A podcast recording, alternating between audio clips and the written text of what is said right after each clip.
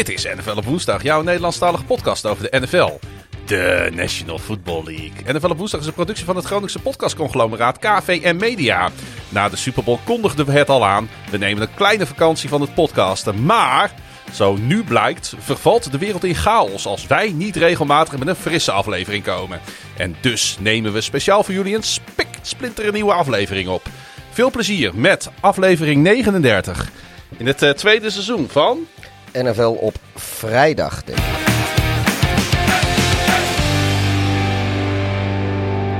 van eh, natuurlijk NFL op eh, woensdag. Op vrijdag. Laatste keer dat wij elkaar in podcast setting ontmoeten, Pieter, was eh, een dag na de Super Bowl. Ja, Zaten we hier ook op de zolderkamer met, Met met onze grote kameraad Frank. die, die we dit weekend alweer zagen. En eh, Wordt nog een beetje moe van die jongens zo doorgaat in dit tempo. ja, oh, afgelopen weekend. Ja, Ja, klopt. Maar ik zie hem ook dit weekend weer. ja. Dus dat, dan, er ligt de open uitnodiging bij mij om hem ook dit weekend weer te zien. Ja. Nou, moet je even naar Tilburg komen voor een eh, pre-drink eh, voor eh Feyenoord Groningen. Yo, ik ben nog aan het bijkomen van de afterdrink van, Willem, van Groningen Willem II. Die was wel gezellig. Ah, joh, dat was dus een, een, een heel guur weekend eh, voor mij, kan ik je vertellen. Ja, het was hartstikke leuk hoor, maar het is niet... eh, Ja, ben je een beetje. Want eh, de, de, alle maatregelen zijn er natuurlijk zo goed als af. Betekent dat ook dat Pieter weer van hot naar her sjouwt in nacht, nacht en ontij? Ja, afgelopen weekend, gisteravond ook nog een beetje trouwens.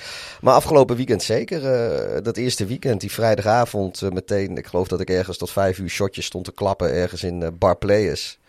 En eh, om, om een uur of zes. Volgens eh, mij had de barman van Proeflokaal Hooghout gezegd: van het is mooi geweest, gaan jullie maar naar Bar Place. En dat heb je dus ver- vervolgens. Nee, nee, gedaan. nee, dat, is, eh, dat, nee, dat was zaterdag.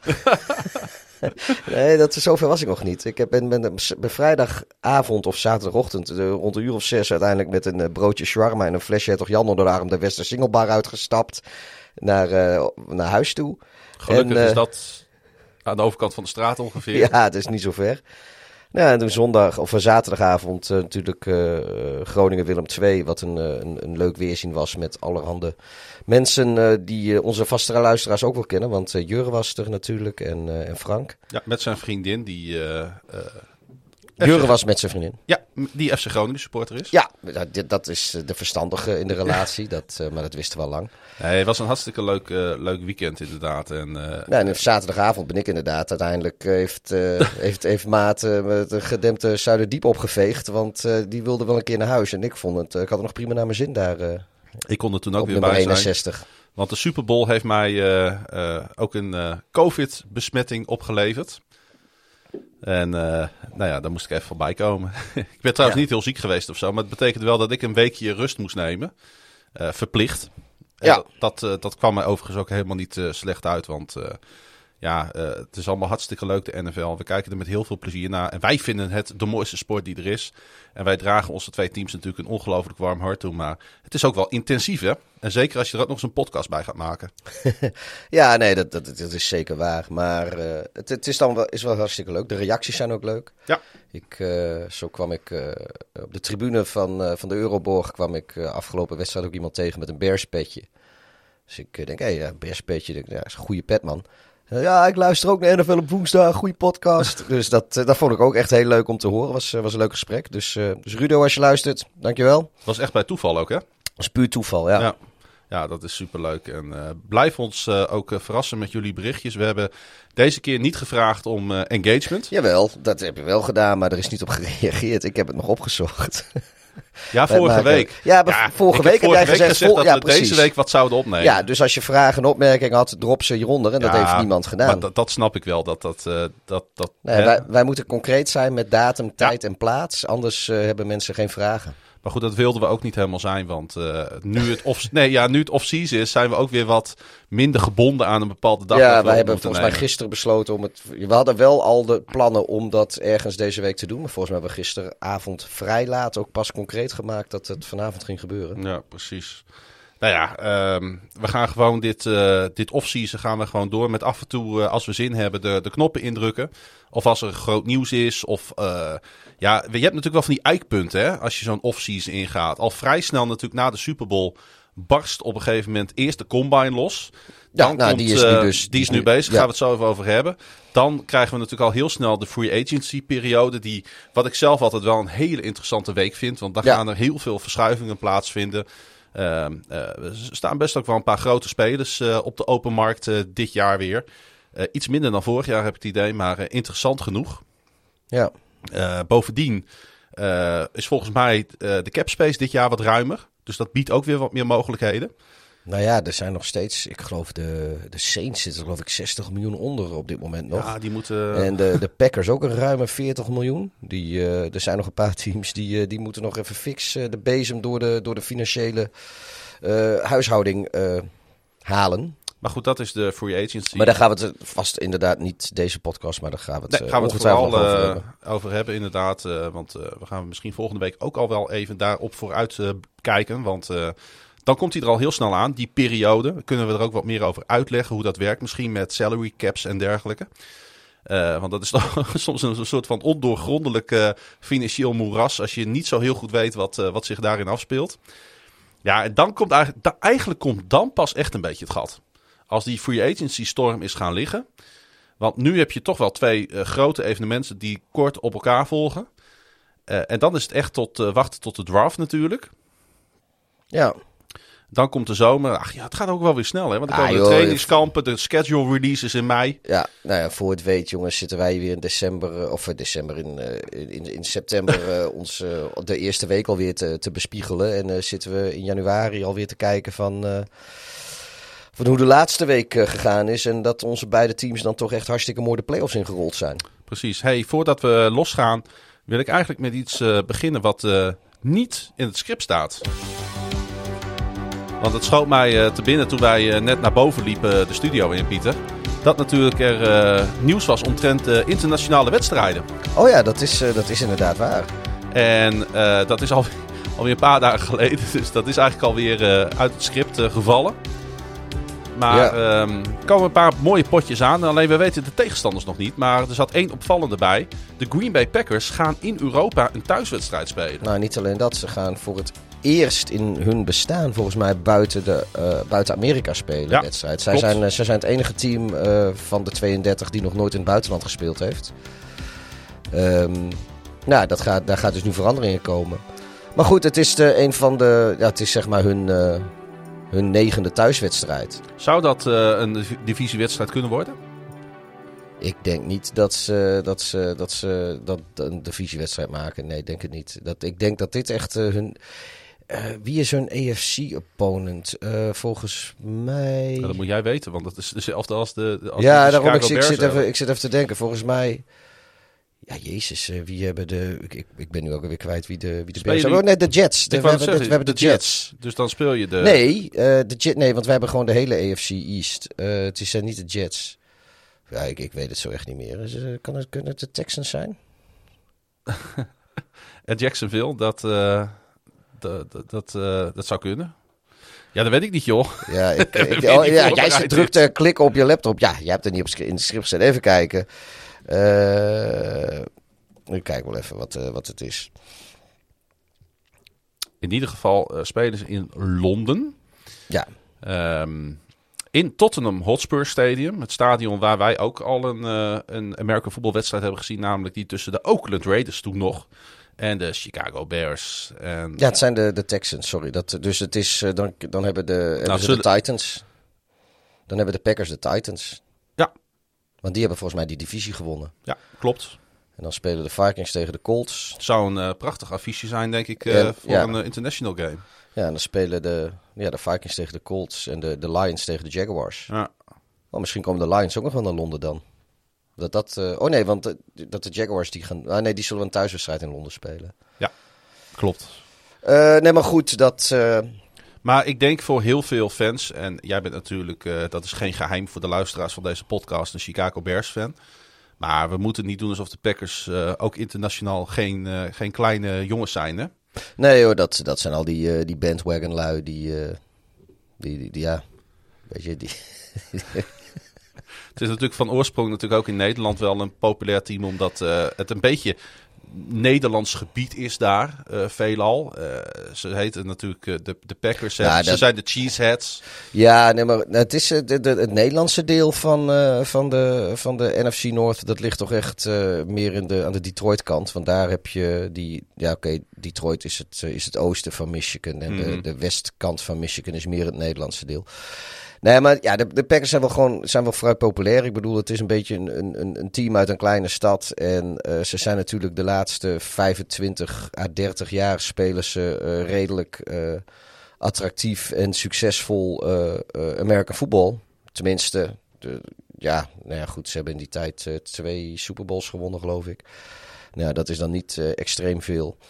Maar uh, uh, ze hebben wel zo'n beetje ieder jaar uh, meegedaan op de playoffs en vaak ook wel ver gekomen. Aaron Rodgers, ja, dat, met, met alles wat je verder op die man aan te merken kan hebben, is, is ze hem zien spelen over het algemeen geen straf. Voor mij wel, maar voor, voor de normale kijker mm niet. Dus ja, die, die hebben zeker wel een, een fanbase. Ik zag... Volgens mij, ik, ik, ik, ja joh, de, de sta je er in die Euroborg, zie je ook weer een of andere gast met een, met een, met een Packers petje op ja. rondlopen. Ik, ik, ja, dat, zelfs in die, zelfs in die ESPN-reclame zit hij. Uh... Ja, joh, die, uh, een van die PSV-supporters in die trein, die, uh, die heeft ook zijn petje op. Ik, dat, ja, dat, ik, ik ga er ook meteen als een, als een rode lap op een stier is. Dat werkt dat bij mij. Dat, dat zie ik ook direct. Al, al drie televisies armen dit jaar. ja. Nee, het is, het is denk ik goed voor het aanzien van de international games dat bijvoorbeeld nu ook de Packers een thuiswedstrijd, dat de Saints een thuiswedstrijd spelen in ook in de Tottenham Hotspur Stadium. Dat, ja, maar kijk, dat, daar is echt Sean Payton is weg. Uh, en dat weet ik wel, maar uh, nee, we, ja. het was natuurlijk, uh, qua affiches was het redelijk te vaak droevig gesteld met de wedstrijden ja. die we voorgeschoteld kregen. Ja, we gaan nu met de Buccaneers in München, met de Saints en de Packers in Londen. Gaan we gewoon een paar hele goede, goede topwedstrijden hier krijgen ja. op ons continent. Maar ik, ik denk dus dat, uh, dat het zou dan, het logische zou dus zijn dat het de Titans uh, at Packers uh, wordt. Dat dat een Londen-wedstrijd wordt. Ja. Nou ja, goed. Het is natuurlijk ook geen geheim voor de vaste luisteraar dat ik op zich wel gecharmeerd ben van de, van de Titans ook. Um, maar qua affiche zelf uh, had dit natuurlijk heel makkelijk Titans at Packers kunnen zijn. Want uh, weet je dat de Titans, zeg maar, als die 17e wedstrijd er niet was geweest, dat de Titans een thuiswedstrijd opgeven en in, uh, mm. en in Londen gaan spelen. En als dat in een jaar is waarin ze tegen Green Bay moeten, dat het die wedstrijd is. Dat, ja, ik, ik, ik, Maakt op zich niet uit natuurlijk. Maar qua affiche vind ik dit, dit niet eentje die alleen maar mogelijk is door de 17e week. Het enige wat. Wel dat het de thuiswedstrijd is van de, van de Packers. Maar dat het de Titans en de Packers zelf zijn, dat. Uh... Maar goed, ja. Er is ook nog een uh, kans dat de Ravens in uh, Europa moeten spelen. Maar het zijn ook die, de Bucks en de Chiefs die tegen elkaar gaan spelen München. Dat is toch ook gewoon de affiche? Ja, dat weten ze nog niet. Of, of gaan die allebei in München spelen? Nee. Dat zou het... Of wordt het de Bucks of de Chiefs? Nee, de, wat, wat... de Buccaneers spelen een thuiswedstrijd. Oh, maar wat, wat is dan de, de, de Chiefs uh, dat dan is, steeds dat, bij? Nou, dat is het gerucht dat het die pot wordt. Oh, dat, is dat dan... Oh, dat is natuurlijk hun toegewezen wedstrijd. Ja. Dus uh, dat is het, op dit moment is dat, is dat uh, wat je overal leest. Ja. Alleen dat is nog niet zeker. En uh, de Ravens spelen ook uit bij de Bucks. Die spelen ook uit bij de Saints. En spelen ook uit bij Jacksonville. Ja, we hebben nog nooit zoveel kansen op een international game gehad, zou ik bijna willen zeggen. Nou, ik zeg, ik, uh, ik had van de week op Twitter al gezet, de kans dat de Ravens Europees gaan is groter dan dat de FC Groningen dat doet. Gaat. Hey, uh, we kijken er naar uit als de schedule release uh, daar is in mei. En dan gaan we kijken of we wat mee kunnen pakken.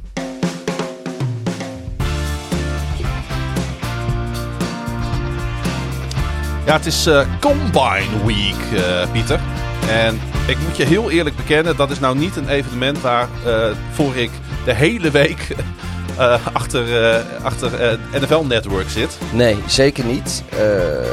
ik vind zelf vind ik het mooiste van de Combine dat alle, van alle teams zijn er officials op één plek. En vanuit het hele land en van alle media outlets zijn de journalisten ook op die plek.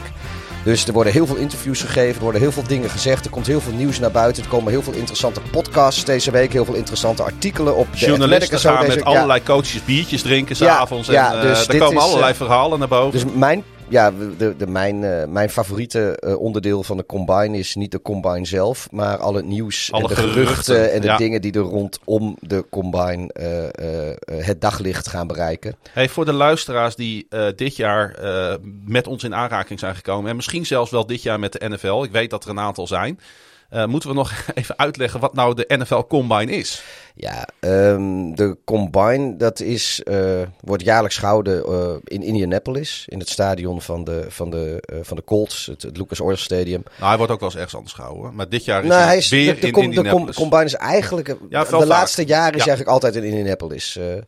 maar maar goed, dat, ja, er komen dus van, van alle teams komen daar officials en, en de technische staf. Die, die komen daar om de spelers die beschikbaar, beschikbaar zijn voor de draft uh, uh, kunstjes te, te, te, laten doen. Mm En dat zijn dan dingen als uh, gestandardiseerde oefeningen zoals de, de 40-yard dash. dat, is wel de, dat is eigenlijk wel de bekendste, hè? Ja, maar die, die is natuurlijk voor heel veel spelers niet zo interessant. Maar dat is wel gewoon, de 40-yard dash tijd is wel een, een, een eikpunt. Maar dus, je, ook, dus je moet gewoon 40 yards rennen, daar wordt er geklokt ja. en daar wordt wat aan opgehangen, hoe snel je dat doet. Ja, en ik geloof dat, uh, dat, dat als, je, als je een klein beetje boven de 4 seconden zit, dan heb je een hele snelle 40-yard dash time.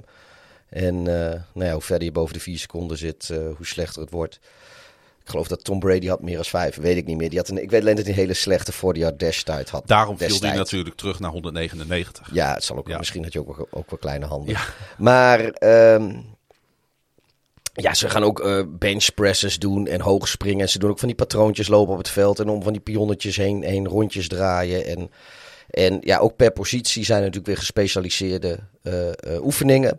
En ondertussen gaan ook tussen die oefeningen door de teams, dus de coaches en de, en de general managers en zo, die gaan met spelers praten daar. Want dat kan heel vrijblijvend. En dan kunnen ze dus ook al een beetje, dat helpt hun bij de profielschets voor, voor hun draftboard.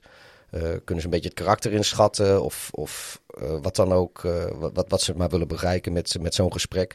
Zonder dat het meteen de officiële ding heeft van dat je naar Baltimore moet afreizen om met Erik da Costa te gaan praten en weet ik wat allemaal. Dat, dat, dat mm. heeft natuurlijk veel meer lading dan dat, uh, dan dat zo'n uh, general manager in één keer tegen een speler zegt van nou, je hebt een goede 40 dash gelopen man, uh, la, la, la, la, hoe gaat het nou? En de, de, de. Weet je, dat, dat, het is lekker vrijblijvend. En, wat ik wel apart vond, dat kwam ik dit jaar eigenlijk pas achter is dat je uitgenodigd moet worden voor de combine. Dus je mag je niet als speler aanmelden. Ja, je zult je wel, er zal wel een aanmeldingsproces zijn. Maar uiteindelijk zijn er dit jaar 324 prospects. Dus talenten zijn uitgenodigd om uh, ja. de présence te geven. Nee, want er zijn natuurlijk, uh, kan niet iedereen die eligible is, kan zitten. Want daarvoor het weet, jongen, dan, uh, dan is het stadion te klein.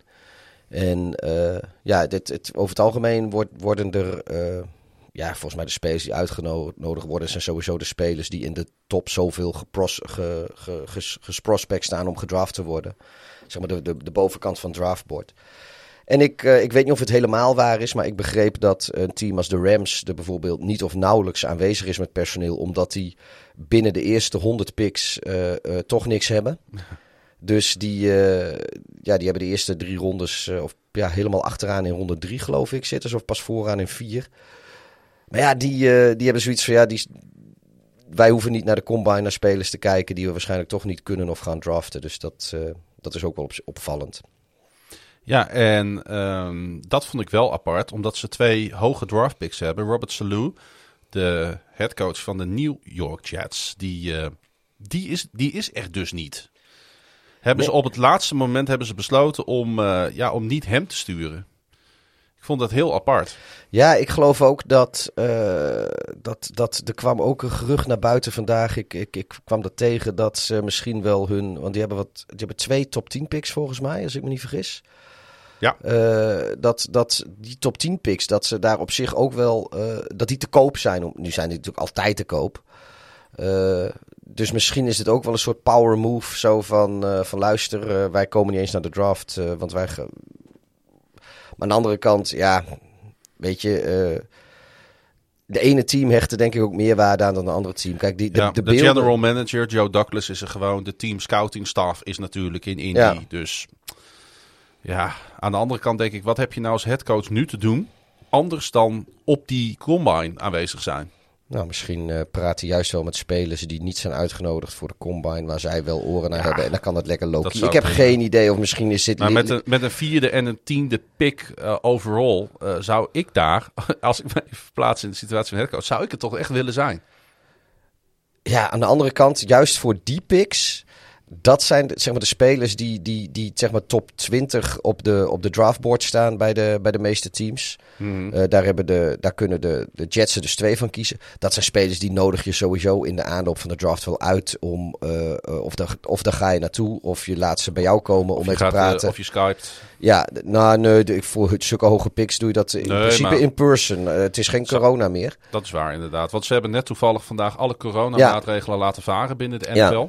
Nee, ik denk met de combine, kun- het is voor- naar mijn beleving is het vooral interessant voor, om even met spelers te praten die, waar je niet zo snel het halve land mee doorvliegt of eh, eh, voor afreist. Misschien wel een area scout die, me- die ermee gaat praten, Ja. maar waar niet meteen de general manager of de coach of allebei voor, eh, voor op pad gaan. Goed, hey, we kunnen hierover Ja, lullen joh, wat we willen. We weten wij, eh, niet precies. Wij, wij kunnen dat. Hey, ehm, er is over geen onderdeel van de combine, om het zo maar even te noemen, zo, niet zoveel te doen als het handen meten dit jaar. Het handenmeten is dit jaar inderdaad eh, het, het heetste eh, topic eh, van, de, van de combine. En dat heeft alles te maken met Kenny Pickett. Ja, wat ze, wat ze dus doen van spelers en zeker van quarterbacks, worden de, worden de, wordt de, de, de, de formaat van het handgemeten, van de hand gemeten. Hoe ze dat precies meten, weet ik niet. Of ze dat van, van, van de handpalm naar de wijs. Ik heb geen idee, maar er is een gestandaardiseerde methode om eh, je hand te meten.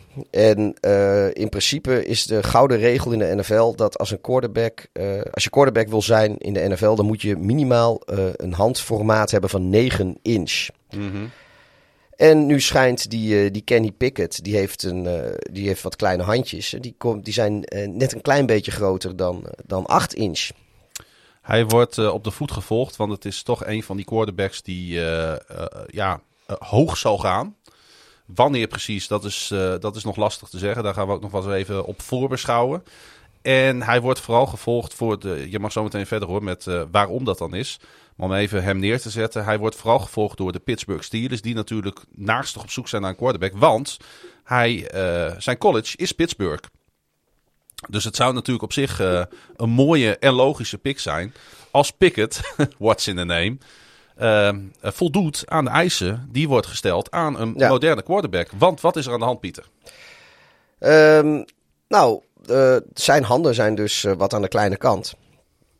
En ja, heel veel teams die hanteren dus wat ik net zei, die regel dat je hand 9 inch moet zijn. Die van hem is 8 en een kwart inch.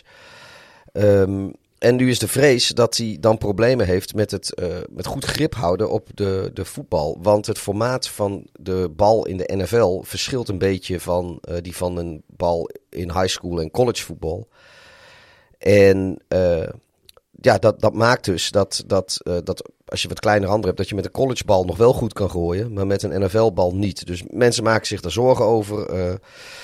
maar nu zegt het kamp Pickett, die zegt, ja luister, het is geen enkel probleem, die kleine handjes, want die Kenny Pickett zou lijden aan het hypermobiliteitssyndroom.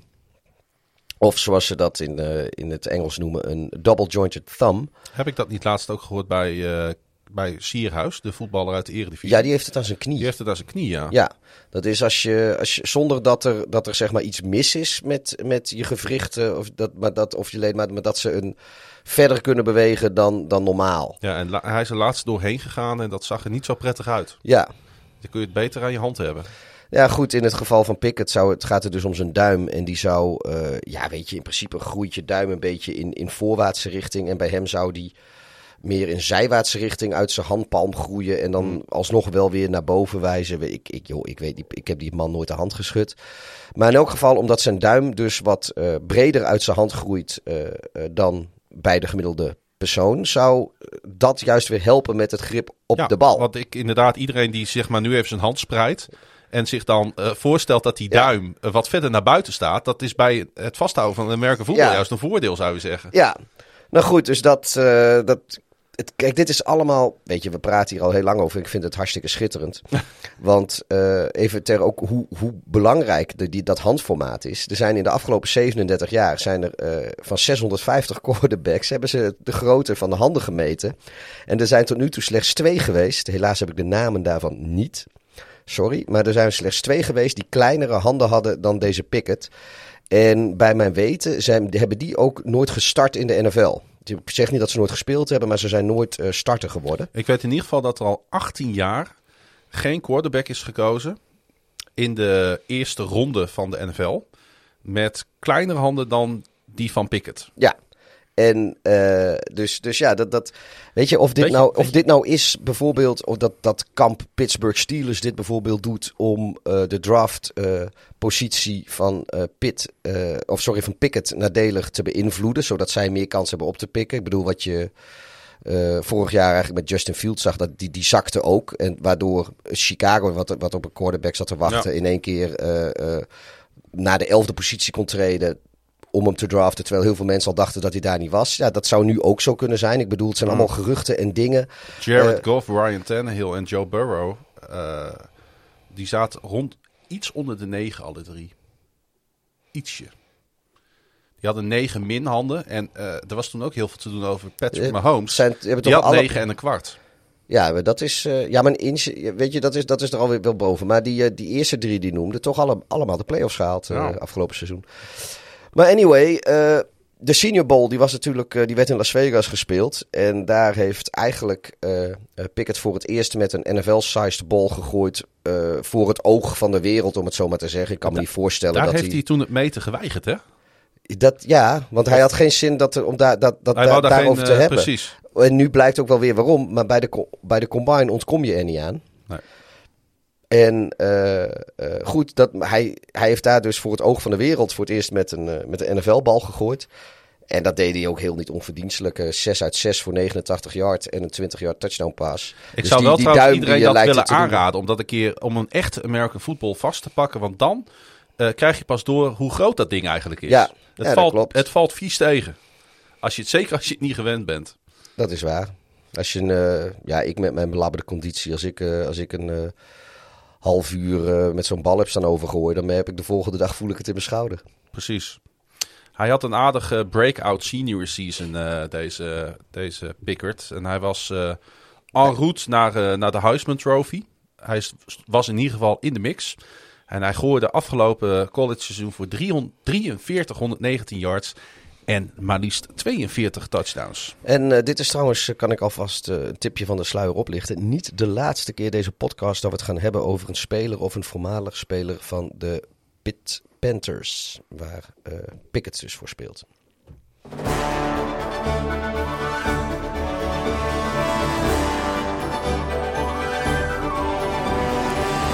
Ja, wat gaan we doen de rest van deze podcast? Wij dachten gewoon even wat nieuwsberichtjes bij langs. En dan kijken of we daar wat van vinden nog. Ja, ik had, ik had meteen hele pikante gevonden, toch? Nou, ik zou bijna willen zeggen breaking news, Pieter. Ja, ja ik, ik wist jou vanmiddag te verrassen met het, met het nieuws dat de Washington Commanders, het voormalig Washington voetbalteam, de, wat weer de voormalige Washington Redskins zijn dat die contact hebben gehad met de Baltimore Ravens over Lamar Jackson en zijn beschikbaarheid. Die hebben daar dus gewoon over gepraat, over een mogelijke trade. Ja, ik merk dat iedere porie in mijn lichaam opeens gevoelig wordt. Ja, de, wat er is gebeurd. Ehm, ze, hebben, ze hebben natuurlijk wat quarterback problemen in, in Washington D.C. En na de blessure van, uh, van Fitz, uh, Fitzpatrick vorige keer al en uh, Alex Smith, dat, dat, dat, ging ook niet zo lekker. Het is, het is een beetje een ongelukkig huwelijk met, met quarterbacks de laatste tijd. Nou. En, en vooral ook hun beschikbaarheid. De laatste decennia zou ik ja. bijna willen zeggen. En ja, ja, de RG3 hebben we natuurlijk ook gehad. Ja. Kirk Cousins was op zich wel een redelijke quarterback voor hun. Maar ja, dat was het uiteindelijk ook niet. Die nou, hebben ze ook niet voor niets weggetraind. Ze hebben zelfs op een gegeven moment een quarterback gehad met één been. Dat is waar. Alex Smith. Wat wel een waanzinnig moment was. Maar het geeft wel aan de, de, de, de, de, ja, ja, ja. hoe ze omhoog eigenlijk, zitten al een hele tijd. Ja, maar als je, als je RG3 meerekent, was dat eigenlijk al een tweede quarterback met één been. Ja. Die, uh, die, uh, die Alex Smith. In, in, in, het, in hetzelfde decennium, zo'n beetje. Goed, terug naar Lamar Jackson ja, uh, en de Washington Commanders. Ja, de Washington Commanders die hadden zoiets van, nou weet je wat wij doen? We hebben, we zijn, we hebben niet zo'n gelukkige hand van quarterbacks. Dus die hebben een, een lijst gemaakt van met maar liefst 42 quarterbacks erop. Die op dit moment onder contract staan bij de 31 andere teams in de NFL. En ze zijn gewoon alle 31 teams zijn ze bij afgegaan om te vragen naar de beschikbaarheid van hun quarterbacks. En ja, dus ook uh, naar Baltimore gebeld en gevraagd naar, uh, ja, naar ik, zei al, ik zei al tegen jou, waarom zijn ze niet even langs gereden? Ja, dat had ook gekund. Even, inderdaad, gewoon neem zelf de koffie mee. eh, dat is nog warm tegen de tijd dat je, dat je in Baltimore bent. Precies. Als je... dus dat, eh, dat had Voor de mensen die dat niet weten, eh, de stadions van Washington en Baltimore zijn de twee stadions in de NFL die dichtst bij elkaar liggen. Sterker nog, zonder files is het een half uur rijden. Nou, sterker, sterker nog, het, de verkeerssituatie in, in Washington DC en die Beltway is over het algemeen zo beroerd dat als jij in de binnenstad van eh, Washington DC bent, dan ben je sneller bij het stadion van de Ravens dan dat je bij het stadion van de Commanders bent. Dat zou heel goed kunnen. Ja. En, daar komt ook, en als je er vandaan wil komen, dan, eh, dan, dan, dan betaal je dubbel voor de, voor de Uber. Oh god, dat is ook weer zoiets, hè? Maar dat is, eh, Ja, het is, het is hartstikke leuk om een keer naar een thuiswedstrijd van Washington te gaan. Maar verder is het daar, alles is daar dram of Wat Ja. je ook, of het nou stadionbezoek is, of het nou de, de catering is, of het de stoeltjes zijn, of de afrastering. de reizen naartoe, De of, reizen de rei- naartoe. of de reizen weer vandaan. Alles is daar dramatisch. Alles is gewoon kloten. Hey, eh, ehm, ehm, eh, ja, gekscherend hebben we het nu natuurlijk even over eh, de, de connectie eventueel die de Washington Commanders probeerden te leggen met eh, Baltimore Ravens quarterback Lamar Jackson. Maar er speelt natuurlijk wel wat in Baltimore. Eh, het is een van de verhalen van dit offseason. En het begint zich eh, ja, een beetje op een aparte manier te ontwikkelen. Want vanuit het kamp Jackson, volkomen radiostilte. Ja, ik, eh, ja ik, had, eh, ik had inderdaad in het script eh, er even aan toegevoegd. eh, van dat eh, de general manager van jouw Baltimore Ravens, Ook eh, uw Baltimore Ravens. Erik da Costa, die heeft aangegeven dat, dat ze in principe klaar zijn om spijkers met koppen te slaan over, eh, over het nieuwe contract van Lamar. Maar hij zegt, ja, het wachten is op, op, op de laatste, op Lamar. Hij zegt, je hebt volle inzet van beide kampen nodig om een deal te bewerkstelligen. En als Lamar zover is dat hij daarvoor wil gaan, dan zitten wij klaar. En ja, ik, ik heb hem vertaald naar het Nederlands, want dat, dat ging wat makkelijker. Maar ik, ik vond het een eh, opmerkelijke opmerking, om het zo maar te zeggen. Want het, het, was, het was verder een hele vriendelijke quote, hoor. Ik ga je dit, dit ook in, Mm. weet je, ook buiten context. Maar ik, ik vind het inderdaad een vreemd verhaal dat ze dus bij, bij de Ravens blijkbaar... Ja, ik, ik stel me ervoor dat ze daar met z'n allen achter een tafel zitten... en dat er al een contract klaar ligt... en dat er zo'n zo'n ganse veer in een potje ik naast staat... en dat ze een beetje naar de deur kijken... wa- wachten tot Lamar Jackson binnenstapt. Nou ja, voor de mensen die het gemist hebben, denk ik dat we één belangrijke opmerking erbij moeten plaatsen. Heeft Lamar heeft geen agent. Nee, En dat kan een voordeel zijn, wat je ziet bijvoorbeeld nu al bij de Arizona Cardinals, waar we het zo over gaan hebben, wat een ruis een agent kan, eh, kan, kan oproepen in contractonderhandelingen. Maar in, in Baltimore is het toch wel een, een, een, een, vreemde situatie aan het worden. Want eh 16 maart begint free agency. En dan willen de Baltimore Ravens toch wel heel graag duidelijkheid hebben over hun cap situatie. Hoeveel geld kunnen ze uitgeven? Hoeveel geld kunnen ze uitsmeren over Ja. de komende jaren? eigenlijk hadden ze dat nu al willen hebben. Precies. En weet je, kijk, ik ken Lamar Jackson niet persoonlijk. Maar wat ik mij zo kan voorstellen. Is, eh, kijk, het is voor hem denk ik een best wel tegenvallend seizoen geweest. Hij kwakkelde wat met zijn gezondheid. Eh, sportief zat het eh, uiteindelijk ook allemaal net niet mee. En ik, ik, dus ik kan me best voorstellen dat hij even na, na het seizoen, na het NFL-seizoen, even tot rust wil komen. Die spelers hebben ook vakantie.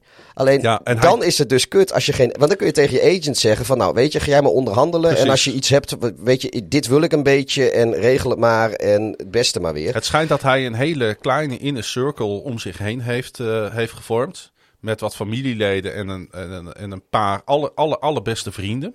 En daarmee bespreekt hij alles. Daarmee, Ja. die, die zetten zijn route uit. Die bepalen eigenlijk een beetje mede eh, wat, wat hij gaat doen. Ja, maar die zijn niet gemachtigd om namens hem te onderhandelen. Want Nee. dat, daar moet je een agent voor zijn of je moet het zelf doen. En ik kan, ja, wat ik zeg, ik kan niet in zijn hoofd kijken. Ik ken hem niet persoonlijk. Maar ik kan me heel goed voorstellen dat, dat de laatste periode, net als wat wij met die podcast, dus een ander niveau, maar wij met die podcast hadden we ook even een paar weken zoiets van nou.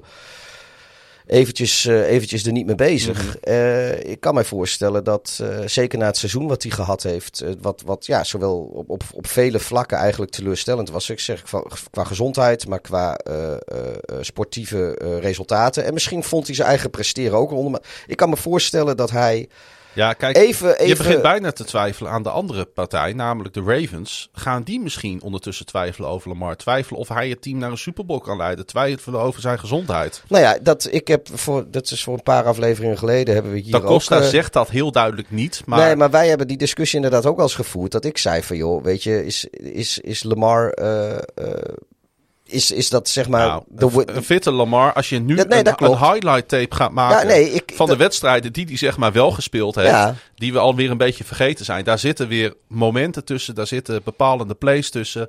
Eh, Lamar heeft zich ongelooflijk ontwikkeld door de lucht.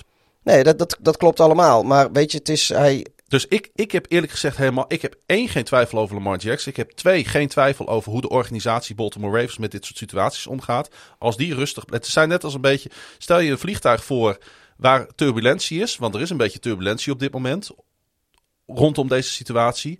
Maar zolang de stewardessen rustig blijven, blijf ik ook rustig. ja, nou, ik... En Als dat ik, is hier ook een beetje aan de hand. Nou ja, weet je, als ik, eh, als ik de Ravens was, dan, eh, zei ik, eh, dan zou ik zeggen van... ja, weet je, het blijft riskant. Maar ik zou gewoon op een gegeven moment zeggen... luister vriend, wij willen ook gewoon weten waar we aan toe zijn. We, we, we nemen die 50-year option. En volgend jaar na het seizoen onderhandelen we verder. Klaar. Ik heb even gekeken. Als hij de fifth year option, als die gelicht wordt, het, het vijfde jaar van zijn rookie deal, zou hij dit jaar 23 miljoen dollar verdienen. Ja, Eh, daarna zou hij dus free agent worden, tenzij de Ravens dan de franchise tag gebruiken, want die optie hebben ze ook nog om hem voor het ja, hij, zesde hij, jaar. hij- hij wordt restricted free agent. Ehm, ja, dat zou de Ravens dan tegen de 30 miljoen dollar kosten dat Mhm. jaar. Eh, maar als je dan kijkt naar de. eh, en daarna kunnen ze het nog een keer doen. Hè? En dan zou het, zoals het er nu uitziet, iets van 38 miljoen Ja. of zo kosten. Wat nog steeds op zich, weet je, het, En dan komt hij al heel erg in de buurt natuurlijk van de Sean Watson, 39 miljoen. Dak Prescott, 40 miljoen. Ja. Josh Allen, 43 miljoen. Patrick Mahomes spant natuurlijk de kroon met 45 miljoen. Ja, nee, maar weet je, eh, kijk, de, als, ik weet niet wat, eh, wat Lamar Jackson ervan vindt als, eh, als, als, als Baltimore nu gewoon zegt van nou klaar, het wordt gewoon 50 option. Want, want inderdaad, weet je, eh, de Ravens, die, die willen weten hoe ze er cap... Want die zitten niet heel denderend in de cap Ja, space. maar dat, dat zou dan weer niet in het belang zijn, denk ik, van Lamar Jackson. Want wat gaat er gebeuren? Stel dat Lamar Jackson een fikse blessure oploopt volgend jaar. Ja, dat klopt. Net als bij Dak Prescott nee, gebeurd dat klopt. is. Maar, je, Dan maar, krijg je het Nee, gehandels. nee, maar de, de, de Baltimore Ravens en, en, en, de, en de wereld draait natuurlijk niet om Lamar Jackson. Dus als, eh, eh, kijk, over twee weken is die free agency begonnen. Eh, dan moeten de Ravens gewoon klaar zitten. Dan moeten ze snel kunnen toestaan. Anders zijn die spelers zitten in een ander team. Ja. Dus eh, ik, het is prima het voor te stellen dat als volgende week om deze tijd, eh, eh, zeg maar een paar dagen voordat free agency losbarst, eh, er nog steeds geen gehoor is gekomen van Camp Lamar. Dat de Ravens zeggen, nou, hier, die 50 option. 50 year Ja. option. Wij weten waar we aan toe zijn. En volgend, nou, volgend jaar in, in, in maart praten we verder. Tot Want- dan toedeledokie. En dat kun je de Ravens niet ontzeggen, want die willen tot, tot Nee. drie cijfers achter het komma weten wat ze in free agency maximaal kunnen uitgeven. Precies. Dus dat, eh, ja, ik, het is wel interessant om, om dat te gaan zien. Want kijk, als dat gebeurt, hoe reageert Lamar erop? Wordt hij daar pissig van? Of heeft, Ja, maar of- dat snapt Lamar niet wat het belang van het team is. En dat Nee, dat en dat, dat uiteindelijk ook zijn belang is. Want, Nee, maar dan. want precies. als Lamar beter beschermd wordt, is die kans op die grote Nee, maar dat is weer die discussie. Je hebt mensen die zeggen: Oh, wat, wat geweldig dat Lamar geen agent heeft. En ik heb gewoon zoiets van: luister, neem gewoon een agent. Want ten eerste wil je je, wil je niet altijd bemoeien met de zakelijke kant van, van waar je mee bezig moet zijn. Je wil je gewoon concentreren op de sportieve kant. Dat neemt het handen. En eh, sorry, je- hoe goed je ook bent in het gooien van, van de bal en het rennen met de bal. Dat zorgt er niet voor dat jij ook weet hoe contracten werken en hoe de, hoe de zakelijke kant van de NFL in elkaar steekt. Ik bedoel, je onderhandelt niet met medespelers. Hè? Je onder, hij onderhandelt niet met een andere quarterback. Ze gaan geen balletje overgooien en, te kijken, en, Hmm. en wie wint, die, die, die, die, die heeft het beste contract. Nee, je onderhandelt met zakenmensen, niet met atleten. En het gaat natuurlijk ook alleen maar om geld, want hij is voormalig MVP. Van zijn kwaliteiten zijn we allemaal overtuigd. Ja. Daar hoeven we het niet over te hebben. Nee, dat klopt. Alleen, eh, ja, kijk, het, ik denk wel dat de afgelopen twee seizoenen. eh, en dat is volgens mij inderdaad die discussie die we gehad hebben. hoe- Wat voor eh, contractwaarde krijgt Lamar? En dan denk ik wel dat, dat, dat de afgelopen twee seizoenen hebben wel wat van zijn waarde. ik denk dat, er, dat, er, dat als ik de Ravens was, dan kwam ik met een contract met wat minder gegarandeerd geld en wat meer incentives voor zoveel wedstrijden gespeeld of, of Mhm. zo, whatever eh, ze er ook maar in zetten. Gewoon op basis van, van ja, Maar hoe de, hoe de ik, laatste jaar gelopen ik, vind zijn. het, ik vind het in alle opzichten raar. Want als Lamar nu gewoon een, een megadeal eh binnensleept. En laten we eerlijk zijn, of dat nou 38 of 39 of 41 miljoen is, maakt uiteindelijk niet zo heel veel uit. Dan zit hij gewoon in de Dak Prescott ra- range. Mhm. Ehm, dan is hij zelf ook financieel binnen, Pieter. Dan is hij zelf ook financieel afhankelijk de rest van zijn leven. Ja, wat ik, ik, ik snap ook wel. Dus ik snap het van hem mi- nog Nee. veel minder. Nee, maar dat is wat ik zeg. Ik snap gewoon niet dat. eh, het, ik, ja, het leek een beetje eh, excentriek eh, van lekker zelf onderhandelen. Maar volgens mij heb ik daar, ja, dat is al een jaar geleden of zo, heb ik ook al eens commentaar op gehad. Van, ja, het is een quarterback, hè? Geen, geen zakenman. Ik zeg niet dat het een domme jongen is. Maar ja, weet je, ik, ik ga ook als ik een huis koop, eh, eh, niet, ik, ja, het sowieso moet het langs een notaris. Maar je gaat niet zelf je, je, je koopcontract eh, opstellen. Dat laat je iemand doen die er verstand van heeft. Nou, ik las zelfs al een commentaar van een, eh, van een, eh, van een lokale reporter. Die zei van ja, de, de Ravens, als, als, als, als, het, als, als hij echt gewoon letterlijk of figuurlijk de telefoon niet opneemt. Ja, misschien moeten ze dan maar eens gaan kijken naar de Sean Watson. Misschien moeten ze dan maar eens gaan kijken wat Russell Wilson wil. Misschien moeten ze dan maar eens een keer kijken of Kyler Murray echt niet op de wip zit in Arizona. Want op een gegeven moment is het gewoon ook niet tof meer dat je zo behandeld wordt als organisatie die de omslag heeft gemaakt van Joe Flacco in zeer korte tijd naar, eh, Ja. naar Lamar Jackson, die alles voor hem gegeven hebben. Oké, ze hebben misschien niet altijd de line neergezet die wenselijk is geweest. Maar je kan niet zeggen dat de Ravens niet vol op hun eigen eh, Lamar Jackson hype train eh, zijn, ge- zijn gestapt. Ja, kijk, ook, ook hier weer. Ik, ik ben er niet, eh, niet bij geweest. Maar ik kan mij niet voorstellen dat een organisatie als de Ravens hier niet netjes in staat. En Nee. nu wil ik ook niet zeggen dat Lamar Jackson er niet netjes in staat. Maar ik, ik geloof wel dat. eh, nou, het begint wel op niet netjes te lijken. nou, nou ja, ik denk, nou, laat, ik, laat ik het anders zeggen. Ik denk dat Lamar er wat eh, amateuristisch in staat. Want ik denk niet dat hij bewust eh, de boel aan het piepelen is. Of bewust de boel negeert of bewust de boel op de spits drijft. Ik denk gewoon dat hij in al zijn naïviteit er een beetje een puinhoop van aan het maken is. Goed, we houden dit natuurlijk eh, eh, tot, tot, tot, tot op de komma, op de korrel in de gaten. Ja, dit wordt, eh, wordt dit onze nieuwe. Moeten we hier een, ook een naam voor? Wordt dit onze nieuwe, nieuwe loveboat voor, voor het komende off-season? Ja, ik, wou Dit bijna drama. de, ik wou bijna de voorspellingstune instarten. Dat we een soort van, een soort van bedrag of zo moeten gaan noemen waar, wat, wat hij gaat verdienen. Ik vind dat jij een Lamar Jackson baard moet laten groeien. Dat vanaf nu scheer jij je niet meer totdat Jackson zijn contract getekend heeft of weggetraind is. Ga ik over nadenken.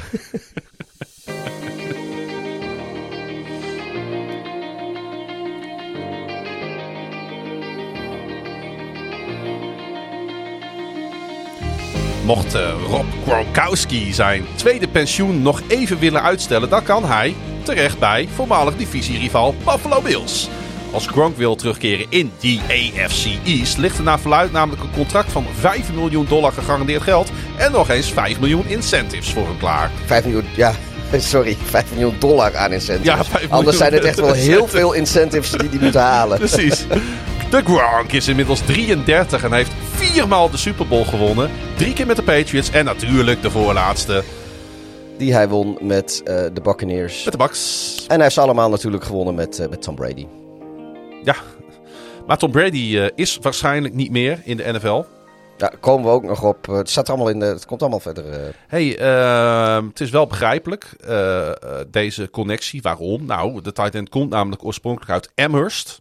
Wat niet ver, ver van eh, Buffalo ligt. Dus eigenlijk zou hij daarmee helemaal op het eind van zijn carrière een beetje thuiskomen. Ja, nee, dat, eh, dat- ja, en kijk, het is, eh, laten we ook niet doen alsof de, de Bills niet precies, eh, misschien wel beter dan, eh, dan op de Patriots na weten wat, wat Gronkowski kan en, en in zijn mars heeft. En ja, de, de- ze hadden ook gewoon daar een, een, een, daar zit een gat in hun, in hun rooster. Op, op tight end. En de- Ja, vind je dat? Ja, nou ja, zij in elk geval wel. Ja, zij vinden dat. En- Want eh, ze hebben natuurlijk eh, eigenlijk met eh, Dawson Knox een uitstekend jaar gedraaid. Ja, maar één tight end is geen tight end, hè? Eigenlijk. Je Nee. moet. en nou ja, wat, wat het. Volgens mij de free agency tight end markt is ook niet zo denderend. We hebben het er. Eh, volgens mij in de preview show van de Super Bowl hebben we het erover gehad. Dat het best lang duurt voordat rookie tight ends zeg maar, op niveau komen. Is vaak pas het derde seizoen dat zij daadwerkelijk gaan spelen. Dus als ze nu een tight end draften, dan hebben ze daar volgend seizoen waarschijnlijk nog niet zoveel aan. Ehm, ja, ik weet dat, eh dat Kyle Rudolph, eh, die, die is, tenminste als hij niet naar pensioen gaat, is hij ook weer beschikbaar. Nou ja, Gronk of Rudolph. Dat, uh, dat, dat weet ik ook. Dus ja, als zij op de, of de, de free agency markt uh, naar tight zitten te speuren, dan is denk ik Gronkowski uh, ook gewoon de beste beschikbare tight end, ondanks zijn 33ste. Dus ja, ik snap Buffalo wel. Ik had een, een, um, een document gemaakt met wat free agents op een rij, maar die kan ik nou even niet vinden. uh, hoe heet die jongen van, uh, van de Miami Dolphins die, die op de free agent markt komt, waar ik altijd zo'n fan van ben? Ja, die heeft een beetje zo'n Oost-Duitse naam, toch? Die... Of een Oost-Duitse, Oost-Europese naam. Wat erg dat ik nu dat ook... Ik heb hem weggeklikt, wat stond van mij. Maar ik weet in ieder geval, want ik zat te denken van... wat voor type tight end ehm, zou, je, zou, je, zou je willen hebben? Als zij, en als zij aan Gronk denken... Ik zat aan een hele andere tight end te denken voor de Bills. Ja, uh, Mike Gesicki. Dat is een beetje Oost-Europese ja, naam voor dat. Uh... Uh, Dalton Schultz van de Cowboys komt op de markt. Heb je daarmee niet als je, als je op, op, op zoek bent naar een goede, sterke blocking tight Even kijken. Als ik kijk naar de free agency tight ends voor 2022. even de, zal ik even de top 10 noem ik dan even. De Schultz is 11e, dus zover kom ik niet. Gronkowski, Gesicki, CJ Uzoma van, van Cincy. Ja. Uh, Zach Ertz van Arizona. Uh, David Njoku van Cleveland. Uh, Evan Ingram van de Giants. Jared Cook van de Chargers. O.J. Howard van Tampa Bay. Ricky Seals-Jones van Washington. En Robert Tunyon van de Packers. nou ja, goed. En Dalton Schultz, die net zei van de Cowboys. En wat ik zei, uh, Kyle Rudolph is volgens mij vandaag of gisteren is hij door de Giants ook ja, is eh, op, op straat gezet, om het zo maar te zeggen. Mhm. Dus die is, die is ook beschikbaar. Die staat nog niet in dit lijstje. Maar ja, als ik dit zo zie, um, volgens mij is, is, is, is Gronk dan wel de, de handigste optie. Ook omdat je die hoeft waarschijnlijk maar een contract voor één jaar. En daarna kun je misschien weer verder met, met wat je zelf allemaal in huis hebt. Het is een soort stopgap. En ja, Gesicki, die zal meteen, die, ja, weet je, die 26, die wil een meerjarige deal. Uh, is, uh, als je, als je, want... En dat kan best zijn dat Miami die gewoon nog een nieuw contract gaat geven. Ik weet niet precies hoe die, hoe dat daar, die situatie daar zit. Want hij is 26, dus hij komt waarschijnlijk ook uit zijn rookie-contract nu, als hij nu free agent is. Ik vraag me echt af of uh, ook past hoor, bij een team als de Bills. Want Kaziki is misschien wel de slechtste blocking tight end uh, in, in de league. Maar hij is tegelijkertijd, vind ik, een van de meest... Uh, bewegelijke atletische tight ends in de league. Mm -hmm. Dus in een pass-heavy attack zou hij ongelooflijk goed uh, tot zijn recht komen. Terwijl ik, uh, als je kijkt naar de, naar de schemes van de Bills, zou ik veel liever een Gronk of een Dalton Schultz daar willen zien. Ja, nou ja, goed. Ja, of een, of een Njoku. Ja, nee, maar wat ik zeg, als ik naar deze lijst kijk, dan uh, Gronk is gewoon een stopgap voor een jaar. Die kunnen ze dus met relatief. Ik weet niet precies hoe de cap space van de Bills eruit ziet uit mijn hoofd. Ik weet ook niet hoe zij dat denken te willen gaan invullen met de cap space die ze hebben. En als zij denken van ja, we hebben liever. Uh, uh, noem maar wat voor 5 en nog een keer 5 miljoen aan incentives. Dus max 10, 10 miljoen alleen voor komend jaar. Uh, Gronkowski in de boeken. Mm. Dan inderdaad een Gesicki of een, of een Yoku of, of O.J. Howard. Of weet je, al die andere tight ends die ik net noemde. Schultz ook. Die zijn allemaal 25, 26, 27 misschien. Die zijn allemaal op zoek naar meerjarige deals. En die ja. heb je dan meteen weer voor vier jaar of zo. Op de, of drie jaar op de, in de boeken staan. En misschien willen de Bills dat wel helemaal niet. Dat zou inderdaad heel goed kunnen. Um, ik zat... Uh uh, hier aan te denken. Aan, aan Gronk en Buffalo. Uh, kun jij nog herinneren de dikke fight, de dikke ruzie van Gronk uh, met cornerback Tredavious White? Ja. 2017 was hij dat hij zo'n cheap shot had, kwam hij van achteren. Ja, ik heb, mij daar, al in, ja, ik heb mij daar al regelmatig in niet mis te verstaande woorden over uitgelaten. Ik vond het ook schandalig dat, dat Gronk toen niet voor weet ik hoe lang geschorst is. En ik heb hem uh, heel Eén lang. Wedstrijd. ja, ja, nee, maar hij, hij, hij, had gewoon de rest van het seizoen. Het was, ja. ja het was de laatste. Ja, nee, nou ja, dan, dan, neem je toch lekker mee het volgende seizoen in. Dat, ja. uh, dat moet toch niet uitmaken. Als hij, jij... ik zat Man in the Arena te kijken. Dat wordt op dit moment uitgezonden ja. op ESPN. En daarin kwam dit moment voorbij. Ik vond het een moordaanslag. En ja, het was echt belachelijk. Uh, het was ook, uh, nou ja, letterlijk vanaf, vanuit de blindside. Uh. Terwijl er al gefloten was, spel lag stil, ja. White ligt op de grond. Ja. En dan komt hij met een soort, wat was een soort people's elbow-achtige move. Ja. Het was zelfs na de wedstrijd. Nee, het was wel tussen de plays in. Het was... Nee, het was na de wedstrijd. Ik heb het, ik heb het gezien. Oké, okay. nou ja, goed. Maar in ieder geval, het fluitje, het spel lag stil. Dus of het nou definitief stil lag voor die dag of Je zit tussen plays, dat maakt niet uit. Maar het ging nergens over. En hij doet een soort Nou ja, ja, worstelmove, people's elbow, Eh, weet ik veel wat het wij was. hoeven ook niet te doen alsof Gronk gewoon... Gronk is een hele, hele nare gozer. Een mafkees. Een Ja, idioot, eh, een clown. Ja, überhaupt. Ja, kijk, ik, ik, ik heb heel vaak hou ik nog een beetje Niet- slag om de arm. Omdat Niet je ik denk ideale van, schoonzoon, om het maar zo te ik, zeggen. ik, ik, ik hou altijd een beetje slag om de arm. Dan denk ik, ja, misschien hebben die jongens ook wel CTE. Maar inderdaad, van Gronk heb ik regelmatig gedacht van die jongen heeft gewoon hersenbeschadiging opgelopen. Eh, Ja. Ehm, Hoe dan ook, als hij ergens naartoe zou gaan, dan zou denk ik eh, Buffalo wel voor hem heel leuk zijn om, eh, om nog een jaartje te spelen. ja,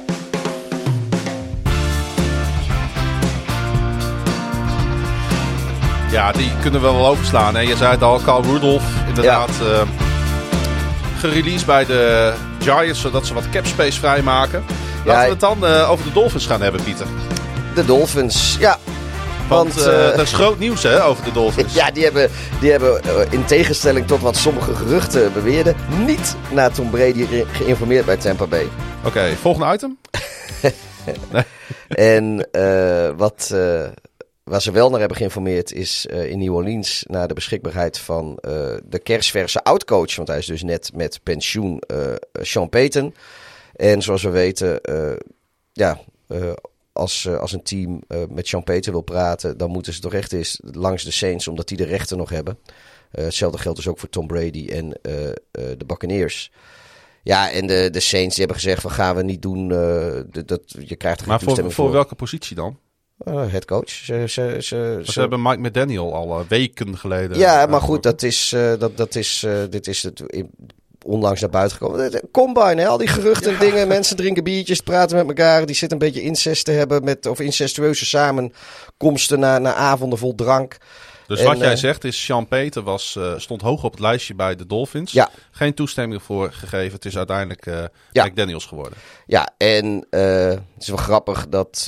McDaniel moet ik zeggen. Ja, het is wel grappig, want ondertussen is Bruce Arians gevraagd van... joh, zou, zouden, zouden ze in Tampa de boel willen faciliteren als er een ander team geïnteresseerd is in Tom Brady... en Tom Brady zou ook eh, daar willen spelen. En Bruce Arians die heeft daarvan gezegd... joh, nee, dat zou bad business zijn. Maar goed, eh, niets is zo veranderlijk als een woord eh, in de NFL... Want we hebben natuurlijk recentelijk die geweldige hypothese gedropt dat de Niners misschien wel Jimmy G naar Tampa zouden treden voor de rechten op Tom Brady. Zodat Ja. Tom Brady nog een jaar bij zijn jeugdliefde, de San Francisco 49ers, eh, zou kunnen spelen. En eh, Trey Lance daar een jaar onder zijn hoede zou kunnen nemen. Ehm, nou ja, wat betreft Bruce Arians eh, kunnen dat soort geruchten de prullenbak in. Eh, wat ons betreft niet, want ja, wat, wat, gaat hij, wat heeft die Arians er dan eigenlijk over te vertellen? Hij is daar coach toch, geen general manager.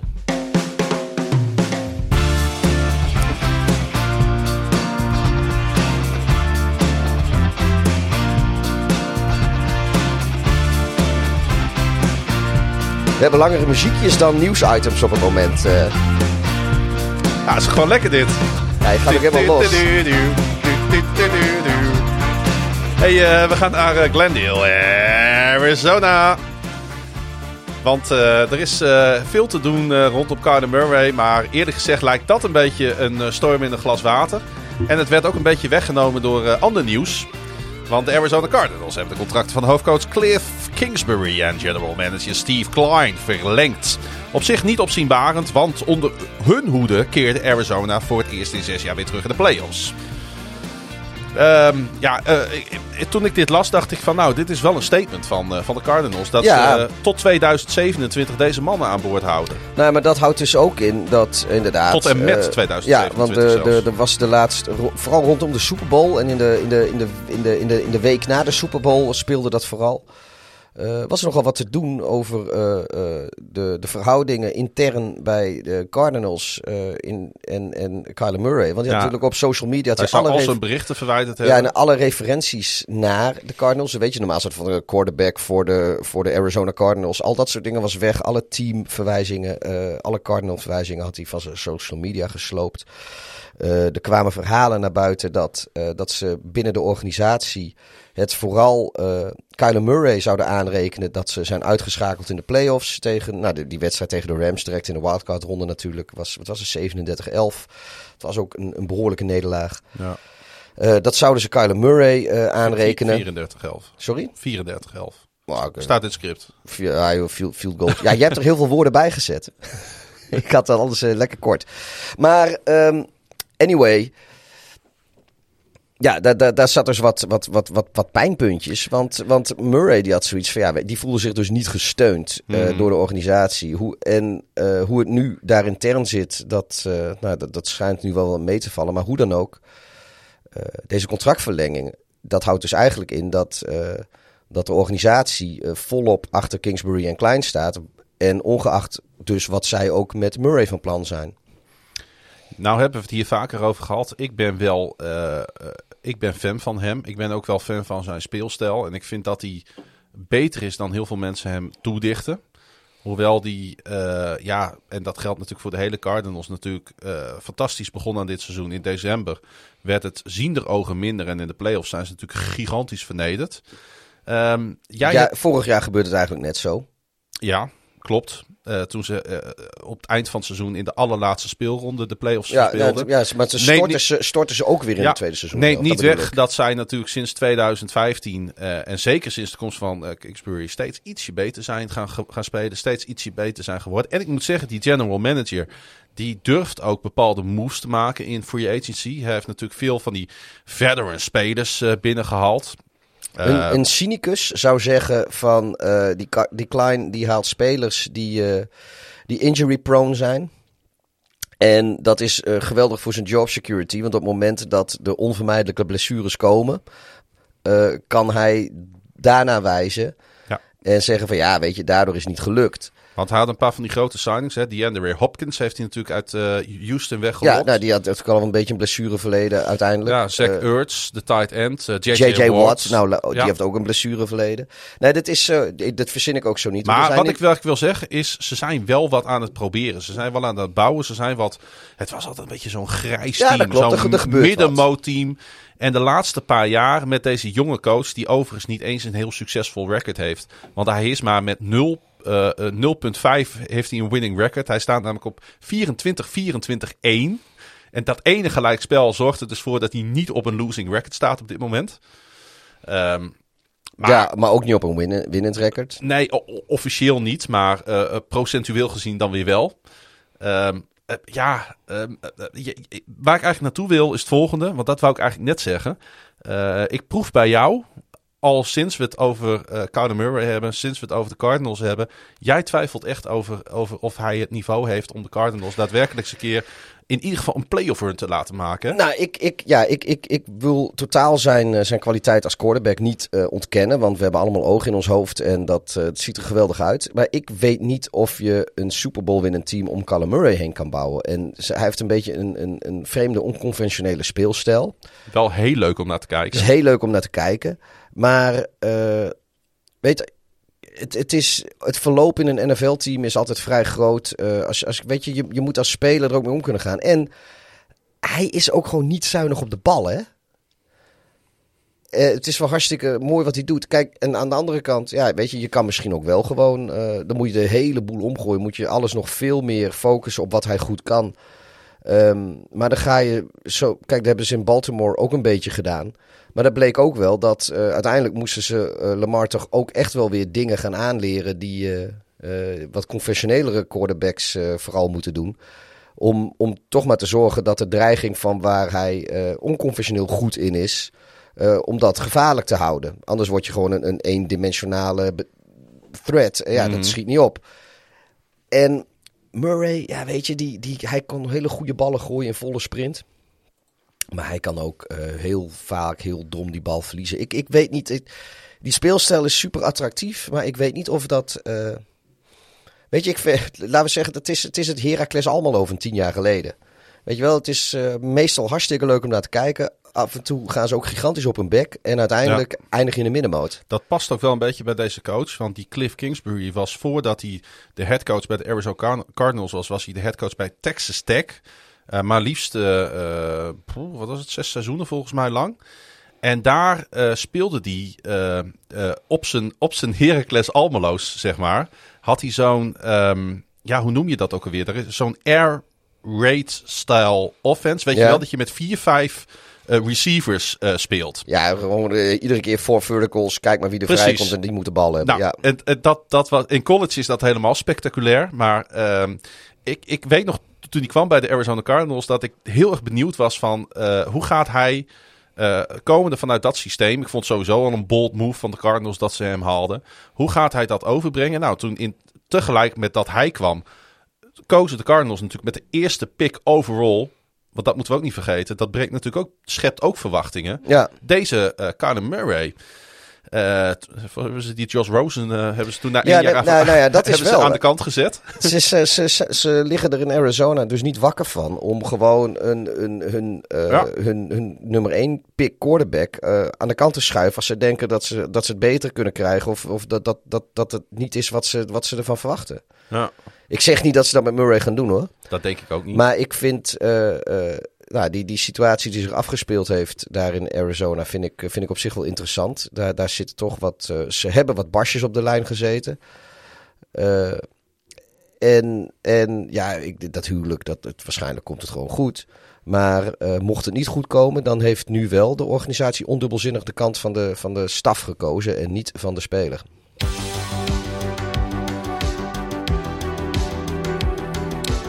Scroll ik eh, verder in het, eh, in het script, Pieter. En dan eh, kom ik uit bij mevrouw Aaron Rodgers. Hugh Aaron Rodgers. Zoals wij hem ook wel noemen. Ja. Ehm, ja, gaan we weer. Eh, ja, eh, het, het, het, levert in ieder geval stof voor een podcast op. En dat is fijn. Eh, hij heeft nog steeds geen duidelijkheid gegeven over zijn toekomst, hè? Nee. Nee, normaal was er de gebruikelijke schreeuw om aandacht op Instagram. Waar hij een of ander pseudo-diepzinnige bluff woordendiarree op heeft geflatst. Ja, De, de, op, de oplettende luisteraar kan wel horen wie het script geschreven heeft deze keer. ja, ehm, eh, jij hebt even gekeken wat eh, Brian Goodkunst over hem eh, heeft gezegd. En eh, die beweert dat het team geen trade offers voor hun geïmmuniseerde quarterback heeft ontvangen. Dat is een leugen trouwens, hè? Ja, Of de Washington Commanders liegen, of Gutekunst liegt. want die hebben natuurlijk Eén ook van met de eh, twee- Green Bay gebeld. Ja, als zij 31 teams gebeld hebben en ze hebben naar de beschikbaarheid van 42 quarterbacks eh, gevraagd. Ja, oké, misschien hebben ze niet direct een concreet aanbod gedaan. Dus dan is dit ook een beetje. Maar ja, goed, dat zou dat Gutekunst dat dan bedoelt. En dan heb je Ja, dus ook weer. Dat het is is het. onmogelijk dat er één team is in de NFL wat voor Jordan Love belt. Dat kan niet. Nee, dus dan maar- blijft er maar één over. Ja, nee, maar weet je, kijk, als Gutekunst zegt dat hij geen trade offers heeft ontvangen en eh, de, de Washington Commanders hebben alleen maar geïnformeerd, dat is een beetje of ben je gevaccineerd of ben je immunized, Ja, weet je? Het is een beetje die discussie. Het spel van woorden is begonnen in het Ja, dat, dat, dat, dat, daar, dat beheersen ze heersen daar in Green Bay, hebben ze daar eh, wel een handje van. Maar we hadden het net natuurlijk over Lamar Jackson. In mindere mate eh, natuurlijk over, over Kyler Murray. Wat denk ik iets meer een storm in een glas water is. Eh, maar dit is natuurlijk die, die andere grote storyline eh, weer van het offseason. Ja. We gaan het, als het goed is- Ik, ik heb het idee, dit gaat ook nog wel een tijdje duren voordat hier duidelijkheid over Ik komt. denk dat, eh, dat de duidelijkheid er pas is als, als de eerste aflevering van seizoen 3 er is. Want hij heeft beloofd voor het start van free agency uitsluitsel te geven. Dus dat is eh, 16 maart uiterlijk zouden we moeten weten. En ja, weet je, het is, we, hebben het al vaak gezegd, het blijft gewoon, eh, blijft gewoon een beetje vervelend, denk ik. Ook, er zullen ongetwijfeld fans zijn die, die dit allemaal niet zo interessant vinden. En ik moet ook eerlijk zeggen, ik slaap hier ook niet minder om. Ik vind het leuk, leuk om, om erover te, te, te zeiken. Heb jij, eh, heb jij zelf een voorkeur? Zie je hem liever nu vertrekken? Of denk je van nou, ach, wat, Nee, zal, wat ik, zal eh, hem ook aan mijn reet roesten? Ja, Eh, dat, Laat ondertussen, ondertussen heb ik dat wel een beetje. eh, ja, ik, ik, mijn verwachting is ook dat hij, dat hij gewoon nog, nog weer een jaar in Green Bay blijft. Dus dat, dat de Bears en de, de Vikings en de Lions zich kunnen gaan opmaken voor, ja, voor nog een seizoen billenkoek van, van Aaron Rodgers. En in Green Bay kunnen ze zich opmaken voor weer een uitschakeling in de playoffs. Ja, dat, ja, dat, dit is een beetje hoe het gaat, hè? Laten we ook maar gelijk eh, doorschakelen naar een quarterback die wel in de playoffs op Lambeau Field kan winnen. Want eh, eh, ja, Jimmy G is ook weer. Ja, We hebben het ook vaak over gehad. we hebben het ook vaak over Ja. gehad. Maar ook, ook al in het offseason van, van vorig seizoen natuurlijk. Ja, zit op de wip. Eh, want eh, eh, John Lynch, want zo heet de general manager, Pieter. Ja, dat de wordt, dat wordt zo langzamerhand ook 49ers. een running gag. Ja. Die heeft aangegeven dat er veel teams zijn die interesse hebben in Jimmy G. De Niners hebben vorig jaar in de draft natuurlijk heel wat kapitaal geïnvesteerd in Trey Lance. En de verwachting is dan ook dat Garoppolo richting een nieuwe werkgever gestuurd gaat worden dit offseason. Ja, en ik denk ook dat dat cap-wise technisch dat dat gewoon absolute noodzaak is, hè? Uh, ja. Want we hebben het over, uh, dacht ik, iets meer dan 25 miljoen dollar cap space. Mm -hmm. ja, dat, dat, dat kunnen zij niet dragen als je uh, een, een, team wil bouwen om je nieuwe, hopelijk franchise quarterback heen natuurlijk. Ja, kijk, ik weet niet precies hoe hun free agency situatie is. Ik moet ook, ik weet, ik, volgens mij zit hun cap situatie is niet zo allerbelabberdst. Ze hebben natuurlijk nu in de, de NFC Championship game gestaan met, met de huidige bezetting. Dus, dus ze, Hey, Zelfs dat, met uh, Jimmy G. Het talent is er wel. Ja, hoewel, hoewel het is ook geen geheim dat ik niet per se heel veel vertrouwen heb in. Uh, ik, ik vind Jimmy G een, een soort. Uh, ja, een beetje Kirk Cousins-achtig, zeg maar. Weet je, als je een heel goed team hebt, dan kun je een hele eind met hem komen. Maar ik denk niet dat hij het echt over de, over de streep gaat trekken. Op de Niners wire van USA Today lees ik nu dat er toch nog wel wat werk aan de winkel is. Ze zitten op dit moment 11,5 miljoen over de cap heen. Oh, maar is dat... niet superveel. Nee, dat is... Uh, ja, oké, okay, agency moet nog beginnen. Ik, ja. weet, ik weet niet hoeveel... Is, ik, ik... Ja, goed. Uh, dat, dat, dat, is, uh, dat, dat is op zich wel... wel, wel ja, cap, cap space is fluide, weet je. Het is, het is geen 40, 50, 60 miljoen zoals En inderdaad, het is, het is 24,2 miljoen dollar. En daarmee is Jimmy Garoppolo by far de speler met het grootste basissalaris. De speler die daarna komt is namelijk Eric Amstead met 14. En daarna George Kittle met 11. Dus het, het, gat met de andere spelers, en dat is logisch, want het, het is een quarterback zo, league. Zo, zo werkt dat, ja. Zo werkt dat, maar als die quarterback niet gaat spelen, dan is 25 miljoen ja. veel te veel geld. Nou ja, kijk, en, en vergeet dus niet inderdaad al het draftkapitaal wat, uh, wat ze in uh, Trey Lance gestoken hebben. Hm. En daar zei Lynch dus ook over. Ja, hij, is, uh, hij zou heel erg tevreden zijn met hoe Trey Lance zich ontwikkelt. Ja, dat is, hij gaat ook niet zeggen dat hij ontevreden is. Want nee. ten eerste uh, houdt dat natuurlijk. Ja, dat, dat, dat gaat gewoon niet gebeuren. Maar uh, ja, de, de prijs voor Jimmy G die zal ook. Dus een kleine, een beetje op, op te drijven. Er is wellicht een kleine kink in de kabel. Want uh, Jimmy G zal spoedig een schouderoperatie ondergaan. Dat is nodig door de blessure die hij opliep in de wildcard win in Dallas.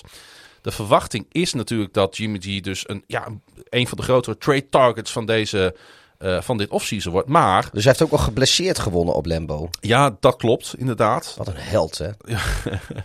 Ja, de, ik ben nog altijd van mening dat de Green Bay Packers vooral van de Green Bay Packers daar Ja, is hebben, 100%. ja, ik, uh, ik snap wel wat je zegt. Uh, des, desondanks is, doet dat niet zo heel veel af aan die teamprestatie daar. Uh, wat, kan dat nog wat doen met zijn trade value, denk je, die operatie? Want er is natuurlijk al veel... Ehm, ja, hij staat niet bekend staat om zijn bekend. beschikbaarheid. Exact.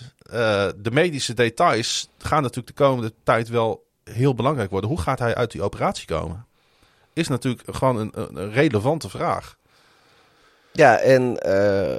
Met zijn blessureverleden al daarbij opgeteld. En natuurlijk, eh, de vraag is ook, uh, de, want dat weet ik, als een, als een nieuw team hem krijgt, hoeveel drukt hij daar op de cap en hoeveel is een team bereid om, om, om dat risico dan inderdaad te nemen? Want ja, als, volgens mij was het afgelopen seizoen was die wel redelijk beschikbaar geweest. Uh, uit mijn hoofd heeft hij volgens mij, uh, ja, ik weet niet, ik, heeft hij überhaupt een wedstrijd gemist? Volgens mij heeft hij geen wedstrijd gemist hoor, uit mijn hoofd. Nee. Maar. Uh, Klopt. Ja, dat is eigenlijk ook voor het eerst in een aantal, in, in, in, in, in volgens mij sinds hij er is. In drie jaar dat hij in ieder geval geen wedstrijd mist, inderdaad. Ja, dat, dit, en dit, ja nou, dit is volgens mij ook zijn ja. derde jaar in. Maar. Um, um, nee, dit is al zijn vijfde jaar in San Francisco. Dit maar even, even nog helemaal los.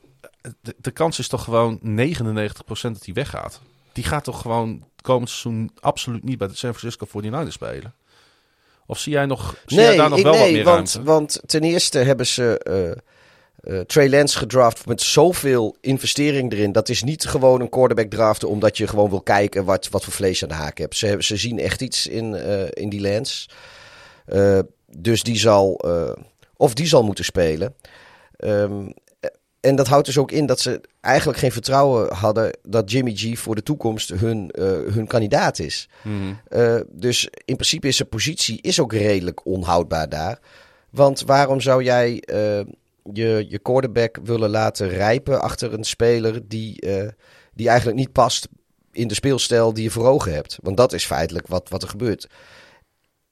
En ja, ik denk dat ook dat, dat wat, wat ze met Lance voor ogen hebben en, en de quarterback die Jimmy G is, het mentale deel van het spel zal Garoppolo Lance heel goed mee kunnen helpen. Maar hun speelstijlen zouden niet verder uit elkaar kunnen liggen Nee. dan dat ze doen eigenlijk. Dus dat is voor het team ook verwarrend. Af en toe hadden ze al wat van die quarterback sets ingebouwd voor Lens dit, Ja. eh, dit seizoen. Maar waar je ook gelijk zag dat, dat het, dat het eh, nou, water en vuur is het niet. Want ze zullen misschien goed met elkaar eh, opgeschoten kunnen hebben. Maar inderdaad, wat je zegt, ja, Ja, maar normaal gesproken maak je een playbook, moet je een beetje kort en simpel houden of lekker eenvoudig houden. Eh, en als nou, je, moet je bij Shannon thuis eens op het bureau gaan kijken. Ja, nee, maar die moet het werk doen, zodat Ja. de spelers eh, een, een, een, een, een per wedstrijd een, een dun play... Kijk, je hebt voor het hele seizoen heb je een enorm playbook, maar Ah. er zijn heel veel plays tegen die bepaalde teams niet gebruikt. Ga je hem filteren? Laat ik het zo Maar- zeggen, hij staat natuurlijk niet bekend om zijn, eh, om zijn simpele eh, drives. Hoe die Nee, nee, in nee, nee, nee. Maar hij heeft, kijk, per wedstrijd, een, een speler kan maar zoveel plays voor een wedstrijd leren. Want je hebt maar, je hebt maar heel korte tijd om, om je voor te bereiden op zo'n wedstrijd. Ja. En eh, je maakt voor iedere tegenstander een, een custom playbook. Je hebt natuurlijk je basisplays en dan heb je nog een aantal plays die voor, speciaal voor die tegenstander zijn. Maar in het geval van de Niners is het dan ook nog zo dat je een paar sets hebt eh, voor Trey Lance. En eh, ja, daar worden heel andere dingen verwacht van de spelers dan, dan bij Jimmy G. Dus dat is voor de, voor de, voor de, voor de spelers op de offensive line en, en de rest eigenlijk van de, van, de, van de offensieve spelers is dat natuurlijk lastiger. Want, eh, tenminste, dat kan ik me zo voorstellen. En eh, ja, nogmaals, het is, het is handiger als je, als je twee quarterbacks hebt die, die dichter bij elkaar liggen qua speelstijl. Want dan is dit in ieder geval één probleem minder dat je hebt. Zoals bijvoorbeeld Lamar Jackson en Tyler Huntley in Ja. Baltimore. Om maar ja, en- een nee, nee, setje te noemen. Ja, dat klopt. Kijk, in, eh, in Chicago was het hetzelfde probleem met, met, met Nick Foles en, en Justin Fields en, en, en die Dalton. Kijk, Foles en Dalton, dat, dat, dat ja, weet je. Ja, maar niet te Dat- vergelijken met Fields natuurlijk. Op Nee. geen enkele manier, nee. Maar goed, dat, eh, dat is dus een situatie in San Francisco. Ik denk dat eh, inderdaad dat, dat het voor iedereen beter is als, eh, als Jimmy G elders Hey, als we zijn ballen gaat En gooien. als we dan eens verder kijken naar die quarterback-markt, die, die, die eventuele tombola, of juist niet. Ja, Ehm, er, was natuurlijk, nou ja, wa- waren wat geruchten over bijvoorbeeld Derek Carr. ja, ieder seizoen eigenlijk wel, hè? Misschien ook wel logisch. Hij heeft nu natuurlijk eh, eindelijk eens een keer die, eh, die play-offs gehaald. Best wel knap. Waarin hij ook, eh, Hele pittige divisie. ja, maar hij heeft ook goed gespeeld.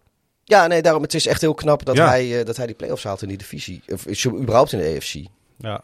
Ehm, eh, ik heb begrepen, eh, ik, weet niet, jij, hebt, eh, jij bent erin gedoken, maar volgens mij hebben de Raiders aangegeven dat, eh dat Carr, wat er ook gebeurt, de startende quarterback is van Las Vegas. Ja, absolutely waren de woorden, of was het woord die eh, Josh McDaniels in de mond Ja, nam. dat dus is- dat eh, sluit eigenlijk eh, alle twijfel, zou dat uit moeten sluiten. Ik denk dat we die dan van het bord kunnen halen bij deze. Ja. Eh, of, er moet, of er moet wel een heel gek offer binnenkomen in, eh, in Las Vegas. Maar dat kan ik me juist voor deze quarterback eigenlijk dan weer niet voorstellen. Hoe eh, onderschat hij misschien dan ook is. En de credits die we hem geven. In- Ja. Ik denk dat het in Seattle het allemaal iets minder zeker is. Daar Ja. worden de woorden absolutely denk ik niet gebruikt. Nou ja, Pete Carroll die heeft gezegd, Wilson wordt niet getraind. Maar ja, Pete Carroll is de coach, hè. Dus die, eh, die zal heus wel eh, een adviserende rol hebben in, in, eh, in het beleid wat, eh, wat betreft het aantrekken en, en, en, en laten gaan van spelers. Maar hij geeft geen klap op. sowieso over Pete Carroll gesproken. Het lijkt erop dat hij gewoon blijft. Ja, die, hij blijft. Anders hadden ze hem nu al eh, eh, of de wacht, of hoe noem je dat? De Ja, ja, ja. Dan, dan waren of hij had zelf Ja, genomen. want, ja, want dan, ze gaan niet nu pas nu nog een keer zoeken naar, naar, naar een nieuwe niet, hoofdcoach. niet met free agency vlak voor de deur. Nee, die spelers willen weten wie hun coach Ja. wordt. En er komt bij dat de teams die een... Ik geloof er zijn uiteindelijk acht teams met die een nieuwe coach gekregen hebben, als ik, het, eh, als ik me niet vergis. Dus eh, even heel plat gezegd, de top acht beschikbare coaches is van de markt. Ja, zo werkt het niet helemaal, maar eh, ik, ik denk niet dat je zit, als je nu nog op, naar een nieuwe coach op zoek moet, dan zit je niet meer boven in de ton te graaien, laat ik het zo zeggen. Nee, toch hebben verschillende teams aangegeven dat ze openstaan voor een trade voor Seattle Seahawk quarterback Russell Wilson.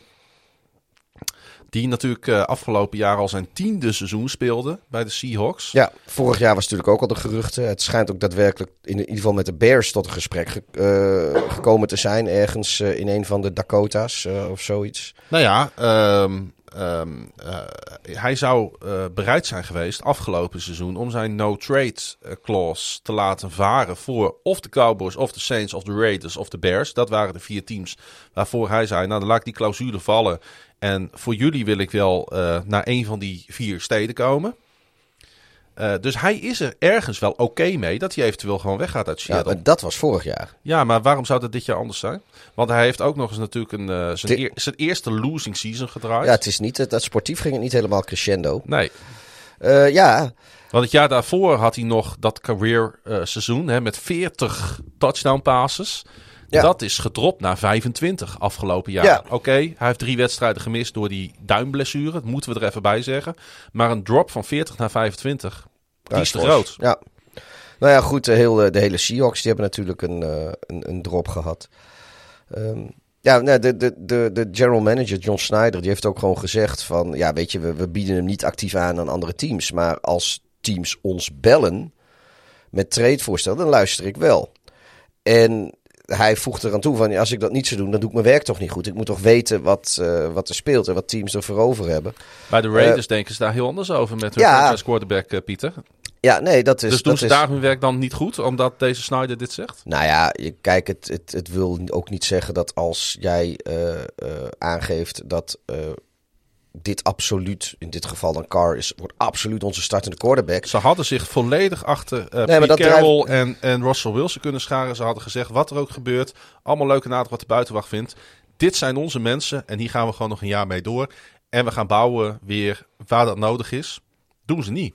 Ja, maar goed, aan de andere kant kan ook zijn natuurlijk dat het, die, die, die woorden absoluut die zijn om de prijs op te drijven. Want, uh, Ja, daar geloof ik in het geval van Las Vegas niet echt in, moet ik zeggen. Nee, maar ik kan mij niet. Weet je, er, er, iedere speler is te kopen. Er is voor iedere speler een bod. De ene zal duurder zijn, de andere het zal, sommige zullen onrealistisch hoog Maar zijn. ik heb het gevoel dat in Seattle de deur niet eens op een kier staat, dat die volledig open staat.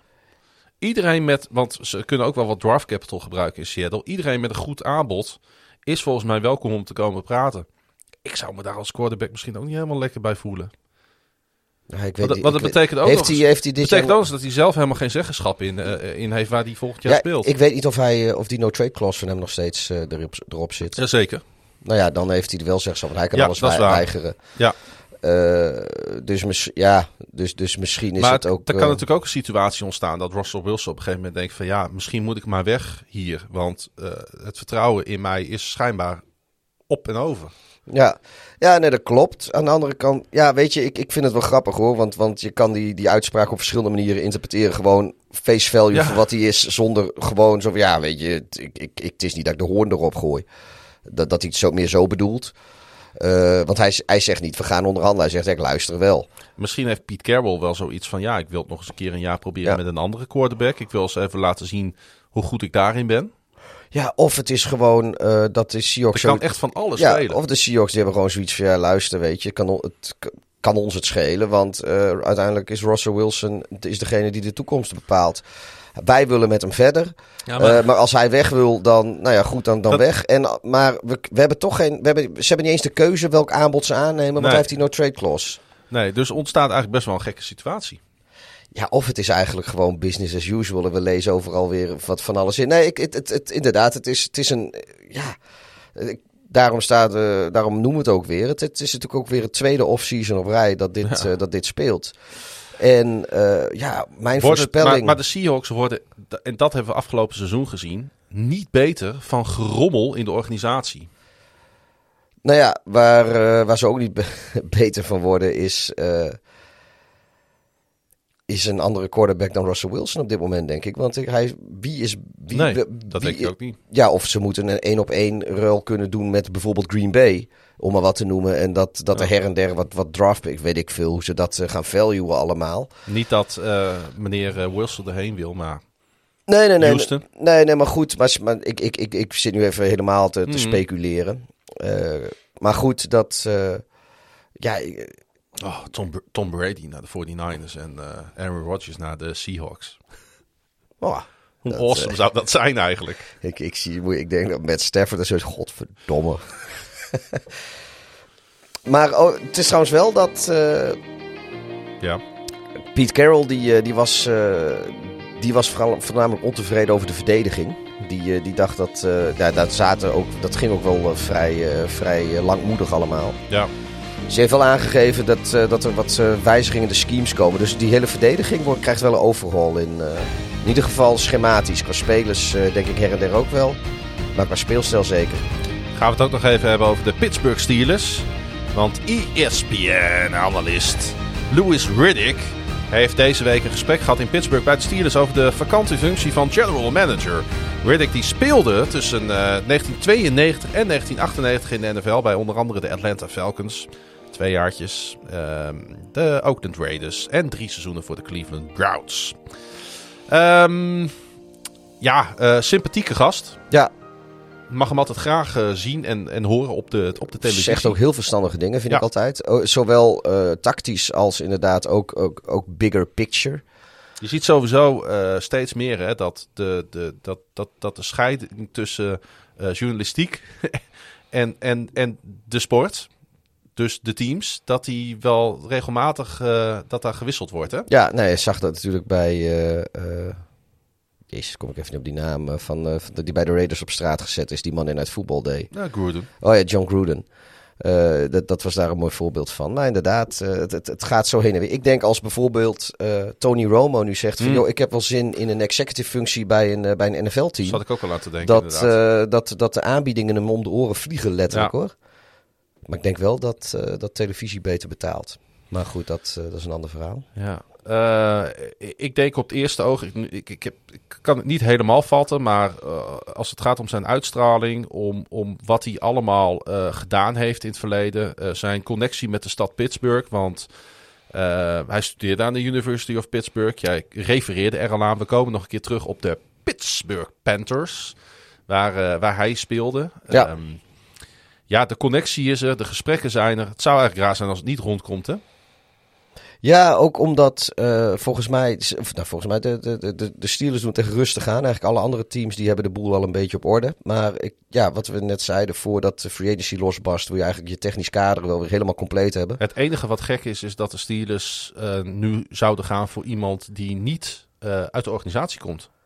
Want dat doen ze bijna bij alle functies. Ja, nee, dat klopt. Alleen, eh, eh, nou ja, goed. Het, ze hebben het. Ze, Ze die- kunnen wel een frisse blik gebruiken hoor, daar in Pittsburgh. Ja, nou niet alleen dat. Volgens mij de man die, eh, die, die beoogd, de beoogde opvolger was, die heeft volgens mij een executive, executive functie elders gekregen. Ik ben zijn naam even kwijt. Ja, dat werkt ze ook niet. Ehm, Morocco Brown was van de Colts.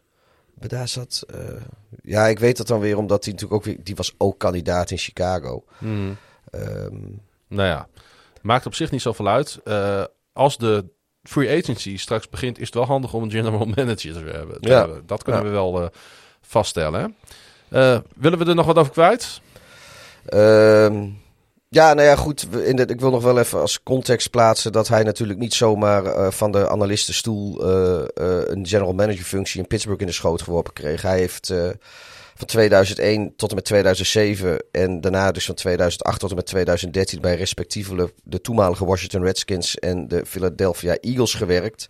Bij beide teams kwam hij binnen als pro-scout, maar hij klom op naar de functie van Director of Pro Personnel. En dat ligt al vrij dicht onder de general manager functie. Dus het is, niet eh, zo dat, dat hij... is een eh, term die wel vaker voorbij is gekomen. Maar als je die functie hebt, die director functie, dan zit je heel hoog in de boom. bij ja, dan, dan zit je vrij... Dan, dan, dan rapporteer je Ja. eigenlijk aan de general manager in de meeste organisaties. Ja, En en je bent eh, verantwoordelijk eigenlijk dan ook voor alles wat er, wat er binnenkomt. Je bent zeg maar de, de, de assistent manager. Ja, nee, dat klopt. Ja. En eh, ehm, ja, nogmaals, ik, ik wou dat even toevoegen, want anders klinkt het inderdaad net alsof die zo vanuit, eh, vanaf het veld eh, analist geworden is en van een analist in één keer een general manager functie bij een, ja, ik kan machtig wel zeggen, een NFL royalty organisatie als de Steelers eh, krijgt aangeboden, die over het algemeen niet bekend staan om hun exorbitante uitspattingen op, het, op de personeelsmarkt van, de, van de NFL. Maar oh, dat is nu ja, ook niet helemaal het geval. Want hij, hij was al een vrij bewezen executive in de NFL voordat hij eh,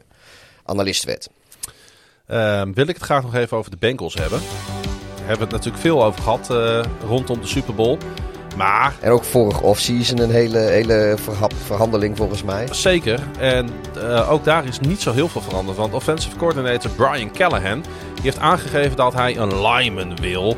Who can stop all the freaks?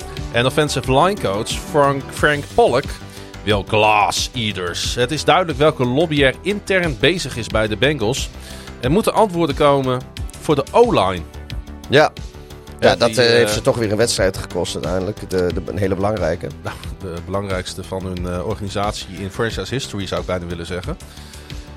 Ja, kijk, dat, dat- laten we dat moment nog maar eens even terughalen. Dat moment dat Aaron Donald Joe Burrow op het turf smeet op eh, fourth and one. Het is nog maar ruim twee weken geleden, Pieter.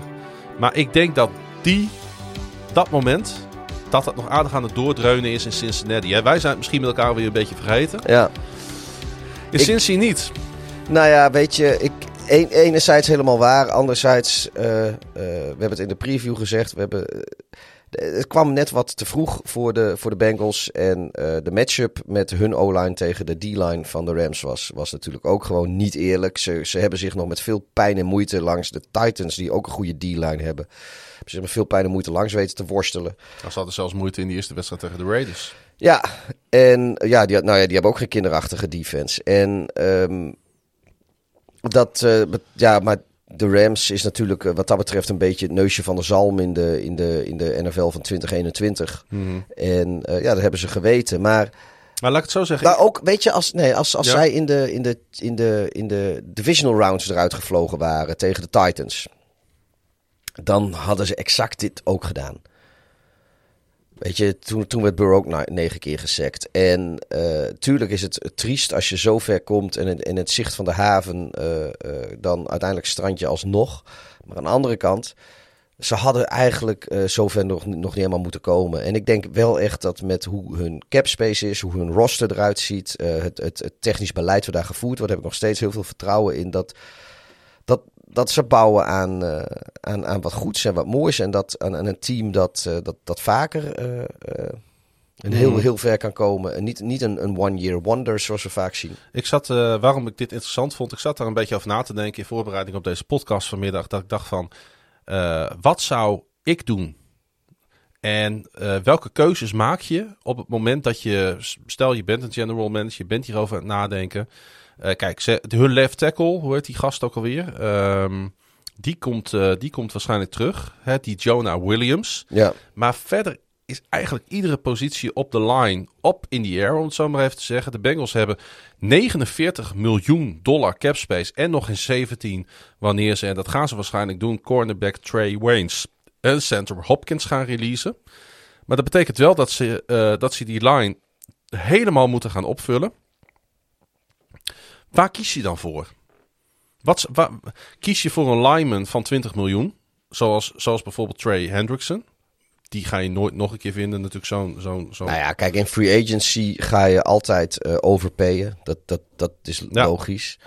Ehm, En spelers weten dat de Bengals kunnen betalen. ja, Maar Eh. spelers weten ook dat ze bij de Bengals eh, een goede kans hebben op een divisiekampioenschap. Ja. Op, een, eh, op, een, op eventueel zelfs weer een Super Bowl run. Ja, weet je, het, is, het, het, het werkt wel heel mooi door. Want eh, eh, ik vind persoonlijk dat de meeste value kun je halen in de tweede en de derde golf van free agency. En niet in de eerste. Hm.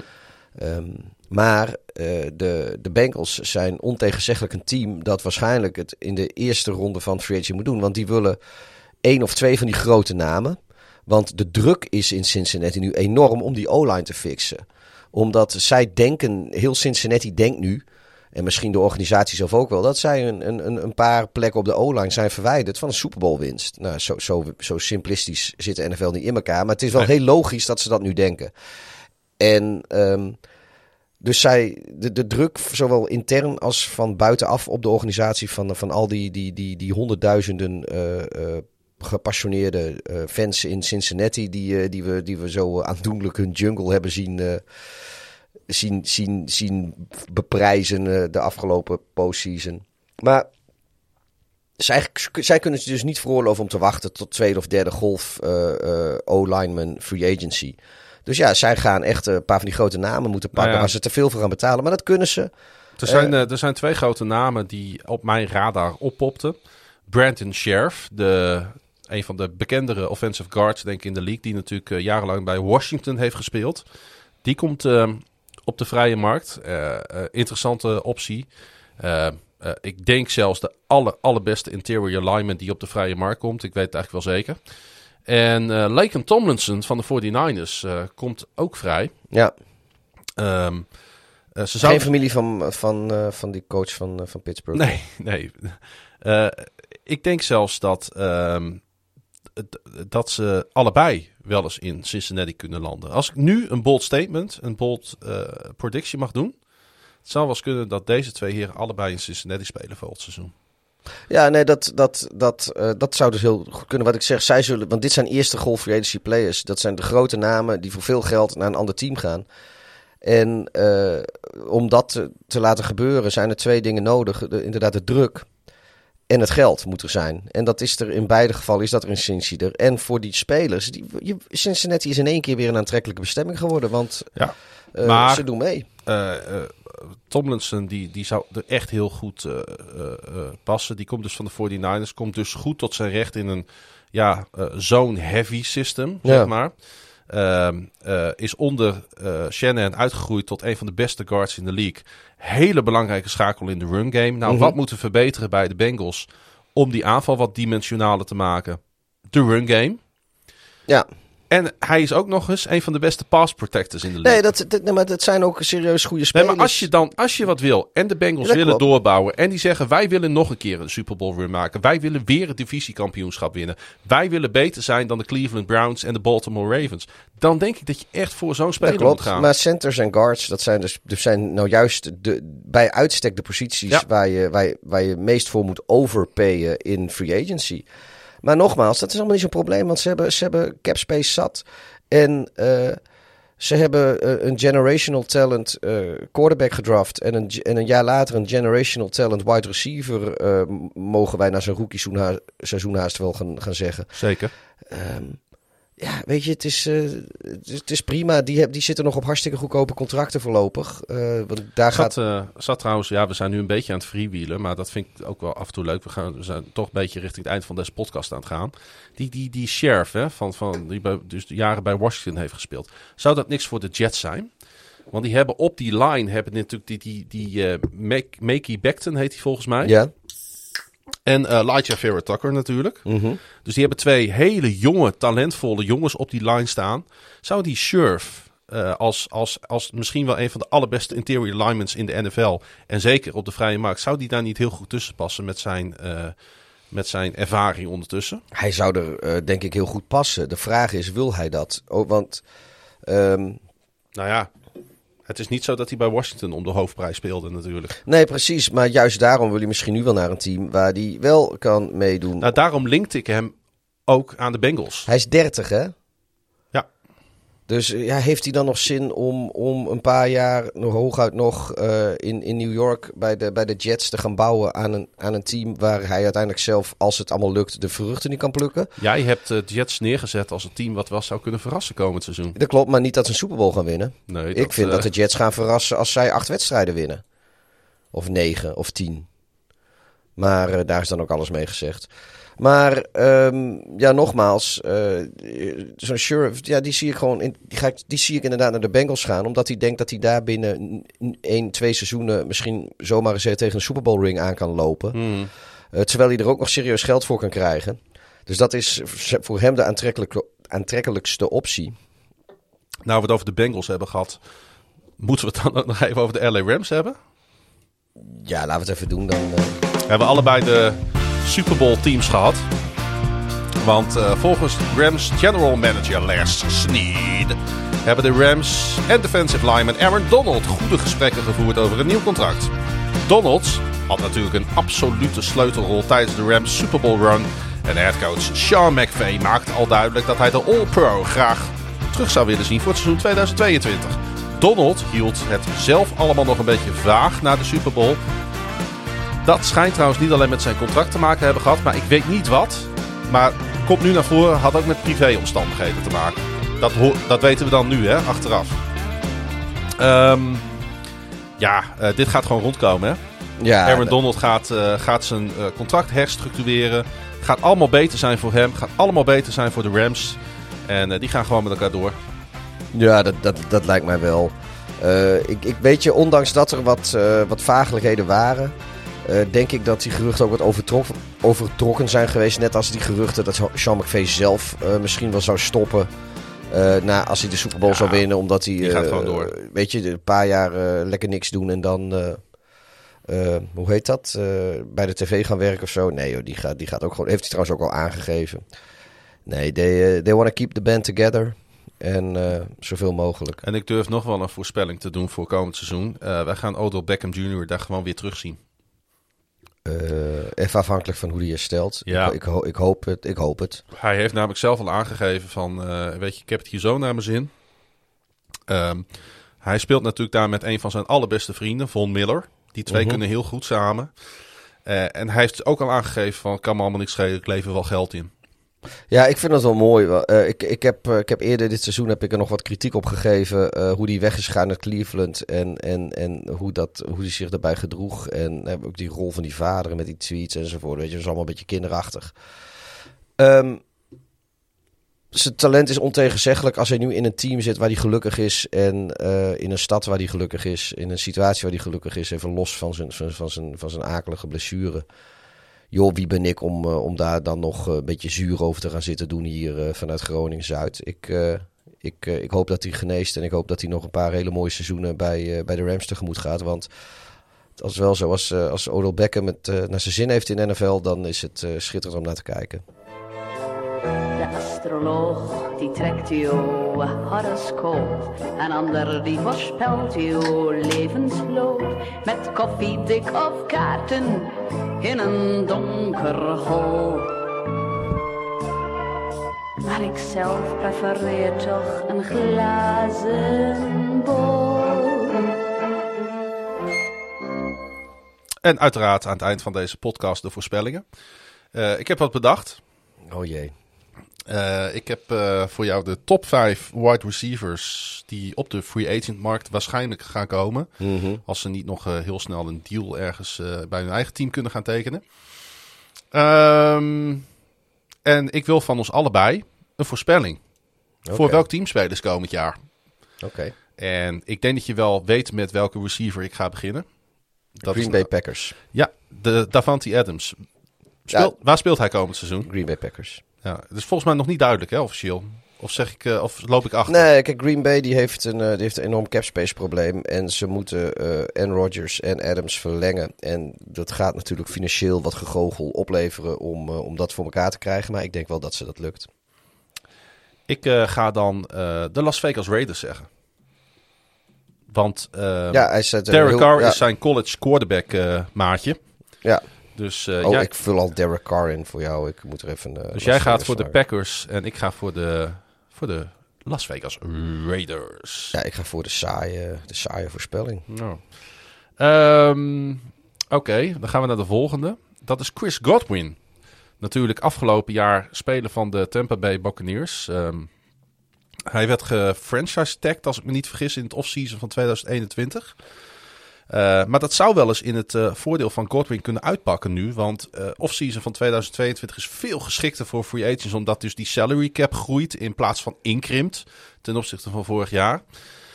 Eh, had wel natuurlijk ACL-problemen. waardoor zijn seizoen vroegtijdig ten einde kwam. Ehm, maar hij heeft gewoon voor zijn blessure echt een topseizoen gedraaid. Zijn drop-issues uit het seizoen 2020, die lijkt hij ook achter zich te hebben gelaten. Ja, wat mij betreft staat hij eh, hoog op het, eh, op het free agent eh, wide receiver lijstje, Pieter. Ehm, zal ik eerst gaan? Ja, doe eens. Washington. Ik denk namelijk dat er tegenover Terry McLaurin dat Washington absoluut behoefte heeft aan een hele sterke tweede wide receiver. En die, die hebben ze niet. Oké, ehm, ik zeg de Atlanta Falcons. Oké, goeie. Ik zat ook te denken dat eh, nog een team die, die heel goed een wide receiver kan gebruiken, komen natuurlijk nog wel een paar, is bijvoorbeeld ook Arizona. Want die hebben eigenlijk tegenover DeAndre Hopkins, die natuurlijk ook zijn fysieke problemen heeft, eh, ook niet echt een eh, hele duidelijke WR2. Hè? Ja. Goed, Mike Williams. Ja, echt een breakout ze gedraaid eh, natuurlijk. Mede met dank natuurlijk aan, eh, aan de quarterback die, eh, die achter hem stond. Ehm, ja, hele consistente speler afgelopen jaar. Al in week 12 brak hij zijn vorige season high voor receptions.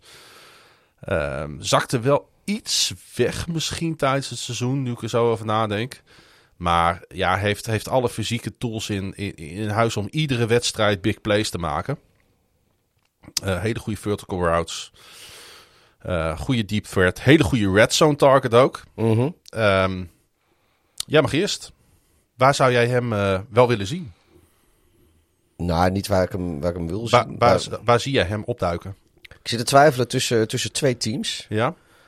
En dat, de ene zijn mijn eigen Chicago Bears. En de andere zijn de Indianapolis Colts. Zou wel echt heel erg leuk voor de Bears zijn als jullie Mike Williams binnenhalen. Ja, maar ik geloof niet dat na het seizoen wat Williams heeft gedraaid, dat, eh, dat hij trek heeft om naar Chicago te gaan. Er zit een ander regime, er zit een andere startende quarterback. Maar eh, hoe, Hij- zoals het met Allen Robinson gegaan is. Hij, hij wil die explosieve big play speler zijn, hè? Ja, ik, ja nou weet je, je overtuigt me ook gewoon. Ik zeg Chicago.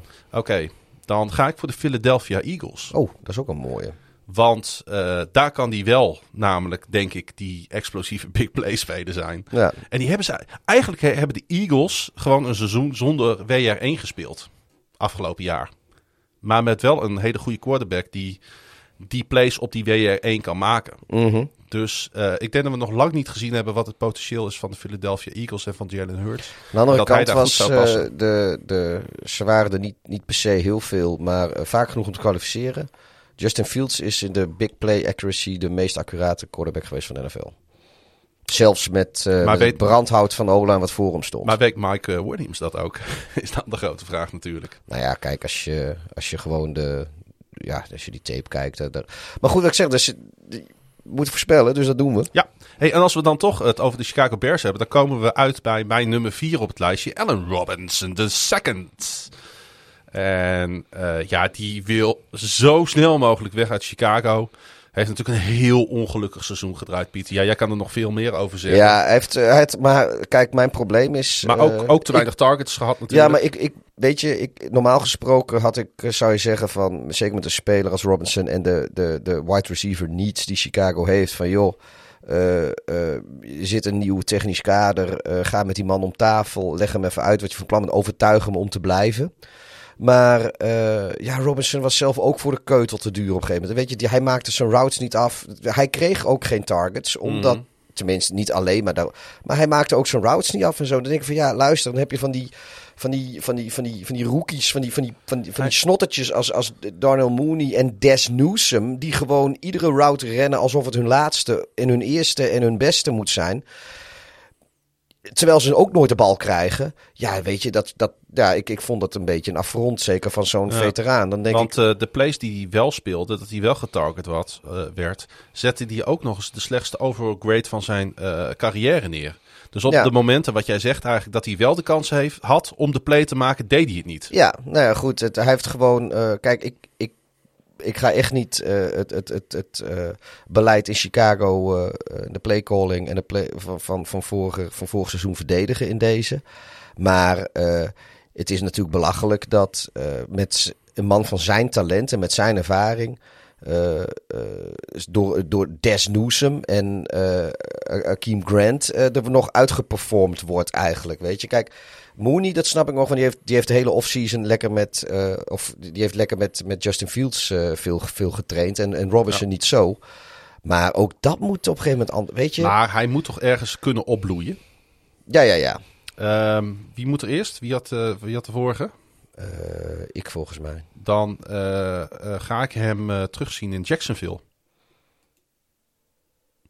Ik denk niet dat hij daar zin in heeft. Ik, ik denk dat ik. Ja, hij wil niet naar eh, de, de in, in Indianapolis. Want ik denk dat eh, hij nu gewoon naar een team wil waar eh, duidelijkheid is over de quarterback situatie. waar, waar hij uit de voeten kan. hij, hij, ga- hij gaat dat. Ik, ik zit eens.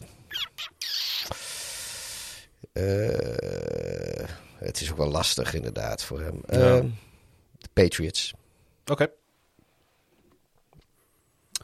Ehm, kunnen hem, denk ik, wel gebruiken. En eh, dat. eh, nou, en aangezien... eh, ehm, ik had op mijn free agency lijstje had ik Odell Beckham op 5 staan, maar die slaan we dan even over. Ga ik door naar de volgende. en dat is Michael Gallup, de Dallas Cowboy. Ehm, die ja, ja, natuurlijk een hele rare tijd achter de rug heeft met die blessure in week 1. Weet je dat nog? mhm. Dat hij, eh, eh, hij stond eh, tot en met week 9 aan de zijlijn, zeg ik uit mijn hoofd. Ehm, ehm, ja, Michael Gallup, is het een beetje het talent wat nooit helemaal doorgebroken is? Ik denk dat. hij moet nog wel een beetje overtuigen. Het is ik. natuurlijk best wel een gecompliceerde situatie met die. Eh, eh, eh, kijk, er, zijn, er gaat een team zijn die gaat erop gokken. Ja, Want- ik, ik weet ook welk team. Want hij heeft natuurlijk. hij heeft laten. Weet je, het, het is echt. Michael Gallup is echt een geweldige receiver. Die altijd als winnaar uit de bus kan komen. In zowel press coverage. als als er zeg maar de, een, een soort van aggressive man coverage gespeeld wordt. Hij kan allebei. Mhm. Zeg maar. Het team dat wij, behalve de Bears en de Ravens, het vaakst in het echt gezien hebben. De Detroit Lions. Jawel. Dat, eh, ik denk dat hij daar terecht komt. Oké. Ik denk, gooi er ook nog meteen een raadseltje in, maar hij was niet zo moeilijk. Want dan ga ik voor hem New England invullen. Oké. Ik vind dat wel een team wat, eh, wat de gok eh, aandurft. Eh, hij, hij, hij zal niet de hoofdprijs eh, namelijk gaan vragen als het om geld gaat. Eh, het, het, het zou een hele goedkope pick-up kunnen zijn. Ja. En het zou heel goed kunnen uitpakken. Oké, top. Hey, zullen we er gewoon nog één doen? Nee, joh, Omdat we, omdat we zo gecharmeerd van hem zijn? Ja. Cordero Patterson? Ja, ik, heb hem nu, ik schaar hem nu even onder de wide receivers, omdat hij daar officieel onder valt. Maar hij is natuurlijk een alleskunner. Hij is natuurlijk hij is net zo goed een halfback, zeg maar, als een, als een wide receiver. Ehm, ja, geweldig seizoen gespeeld natuurlijk bij Atlanta. Eh, waar hij eh, als, eh, als running back 2 op het roster stond, als wide receiver. Als running back 1 in de praktijk, als kick returner. Hij stond zelfs als fifth string safety op, op roster bij de Atlanta Falcons. Ehm, ja, zouden zij er achteraf spijt van hebben dat ze maar één jaar hebben, hebben gebonden? Want hij, hij was natuurlijk een van de, van de spelers waarvoor je nog naar het stadion kwam. eh, samen met Carl Pitts. Ja, ik, ik, ik denk dat ik. Ze, ze hadden ook niet verwacht dat, het- dat het zo'n succes zou worden. Ik, wat ik zeg, hij was. eh, ik heb toch gezegd, hij is misschien eigenlijk wel eh, de MVP in mijn hart. Volgens mij heb, heb ik Ja, dat ooit een keer zo gezegd. Waar we het allemaal wel over eens, hè? Toen. En ehm, ja, weet je, er zijn zoveel teams waar hij al gespeeld heeft, waar ik Mhm. hem zo weer graag naartoe terug zie gaan. De Patriots zouden hem weer prima kunnen gebruiken. De Bears zou ik hem zo weer willen zien. Eh, inderdaad, de Falcons, die verdienen hem misschien ook wel, want dat was ook hartstikke leuk. Ehm, ja, weet je, hij... eh, ik denk dat hij eh, bij de Titans terecht gaat komen. Oké, ik, ehm, ik denk dat ik hem... ehm, ik zie hem wel in dat mooie donkerblauw van de Houston Texans. Ja, dat is wel een team die hem heel goed zou kunnen gebruiken. Ja, en, ik denk ook dat het een team is die hem wel wat centjes wil geven. En ik denk dat hij misschien wel zijn laatste seizoen ingaat. En dat hij, eh, eh, hoe, hoe leuk en aardig die ook is, en dat is bij hem echt oprecht. Hoe hij met publiek omgaat, hoe hij met zijn omgeving omgaat, hoe hij met press omgaat. Maar misschien wil hij toch ook nog wat centjes voor de toekomst nu binnenharken. En ik denk dat hij die in Houston kan krijgen. Ja, nee, dat, eh, dat zou heel goed kunnen. Eh, ja, ik, ik, ik, ik, ik, ik ben het op zich wel met je eens. eh, of dat, dat ringchase... En hij kan, hij kan bij, net als wat hij bij Atlanta heeft gedaan, hij kan in Houston kan hij ook weer die absolute publiekslieveling worden, die absolute sterspeler. Ja, Want dat kleeft ook wel een beetje aan hem. Als hij naar een groot team gaat, wat, waar veel talent op het roster staat, waar die geen running back 2 is, waar die geen wide receiver 2 is, ja, dan is het ook zomaar de kans dat hij een beetje gaat wegkwijnen op het roster. En dat gun ik hem ook niet. Hij moet wel ergens een bepalende rol krijgen. Ja. En ik denk dat hij bij de Titans geen bepalende rol gaat krijgen. Bijvoorbeeld. Dus hij moet naar een low flyer gaan. Zodat hij kan shinen. Nou, ik denk Wat dat dat, betreft was Atlanta perfect voor hem. Ja, maar ik, ik, ik denk dat, dat, dat hij... Weet je, als je, je moet gewoon hem eh, de juiste place geven. En Zou je hem niet in Seattle willen zien? Zou het ook wel tof zijn. nou, ik, ik, zie, ik zeg het, een tandem met hem en, en, en eh, Derrick Henry. En dat ze, dat ze ook allebei eh, vanuit de backfield komen. Eentje gaat blokken, eentje gaat... eh, of, maar ja, hij, hij kan de bal krijgen. Wordt wel heel dynamisch wordt het daarvan. Ja, maar de, de, weet je, wie, wie gaat er blokken? Wie krijgt de bal? Of, wordt er, gaat, of, of wordt het toch ga je toch voor de receptie? Of gaan ze... Ze kunnen allebei met de bal lopen. Ja, weet je, ik, ik, ik, ik zie daar wel echt hele leuke mogelijkheden... als je daar een beetje, een beetje je playcalling eh, en je game design op, eh, op gaat aanpassen. Oké. En het is een beetje ook een... Ook dit is een keuze met mijn hart. Want ja, nou, wat ik zeg, ik zie dat wel gebeuren. Ik, ik hou wel van de, van, de, van de Titans en ik hou wel van Patterson. Dus eh, waarom zou ik ze dat, dat huwelijk niet gunnen? De toekomst met al zijn geheimen kan ik voorspellen. Mm, kom maar bij me, want ik zie het zo helder in mijn glazen bol. Was toch wel weer lekker om even over de NFL te lullen. Hè? Ja, toch weer eh, bijna twee uur. Ja, en eh, goh, wat speelt er toch altijd veel in deze sport, hè? Wij, wij vinden ook gewoon dat- dingen hoor. Ja, Ik maar wij ik heb hebben- volgens mij een kwartier lang heb ik een verhandeling gehouden over de, over de hand van, van, van eh, Pickett, Kenny Pickett. En, en hoe zijn duim eraan vastgegroeid is. En op een dusdanige manier volgens mij dat iedereen die luistert op het moment dat we het daarover hebben naar zijn, naar zijn, naar zijn hand en zijn duim zit Maar we kijken. zijn nu nog niet op het moment aangekomen dat we de gestolen auto's van eh, spelers op vliegvelden gaan, eh, gaan bespreken, Pieter. Dat is ook waar. Dus Dat- dat dat, komt komt, ook nog. dat komt ook nog Dat namelijk. komt ook nog. Hey, we houden er voor, eh, voor nu mee op. Ik ga even op vakantie. Ik, ik misschien ook, ik weet het niet. Ik zie het allemaal wel. Ik ga eerst eh, zaterdag, eh, ja, als je dit luistert heb je dat waarschijnlijk is het al geweest. eh, ga ik in de Kuip bij ons aller FC Groningen kijken. misschien ook wel spelen. En daarna vlieg ik, ja, je verzint het niet, maar naar Polen. Voor een paar dagen. Ja, ik ga het... Ik hou ervan om af en toe gekke dingen te doen. En ga eens even die Poolse IPA'tjes daar proeven.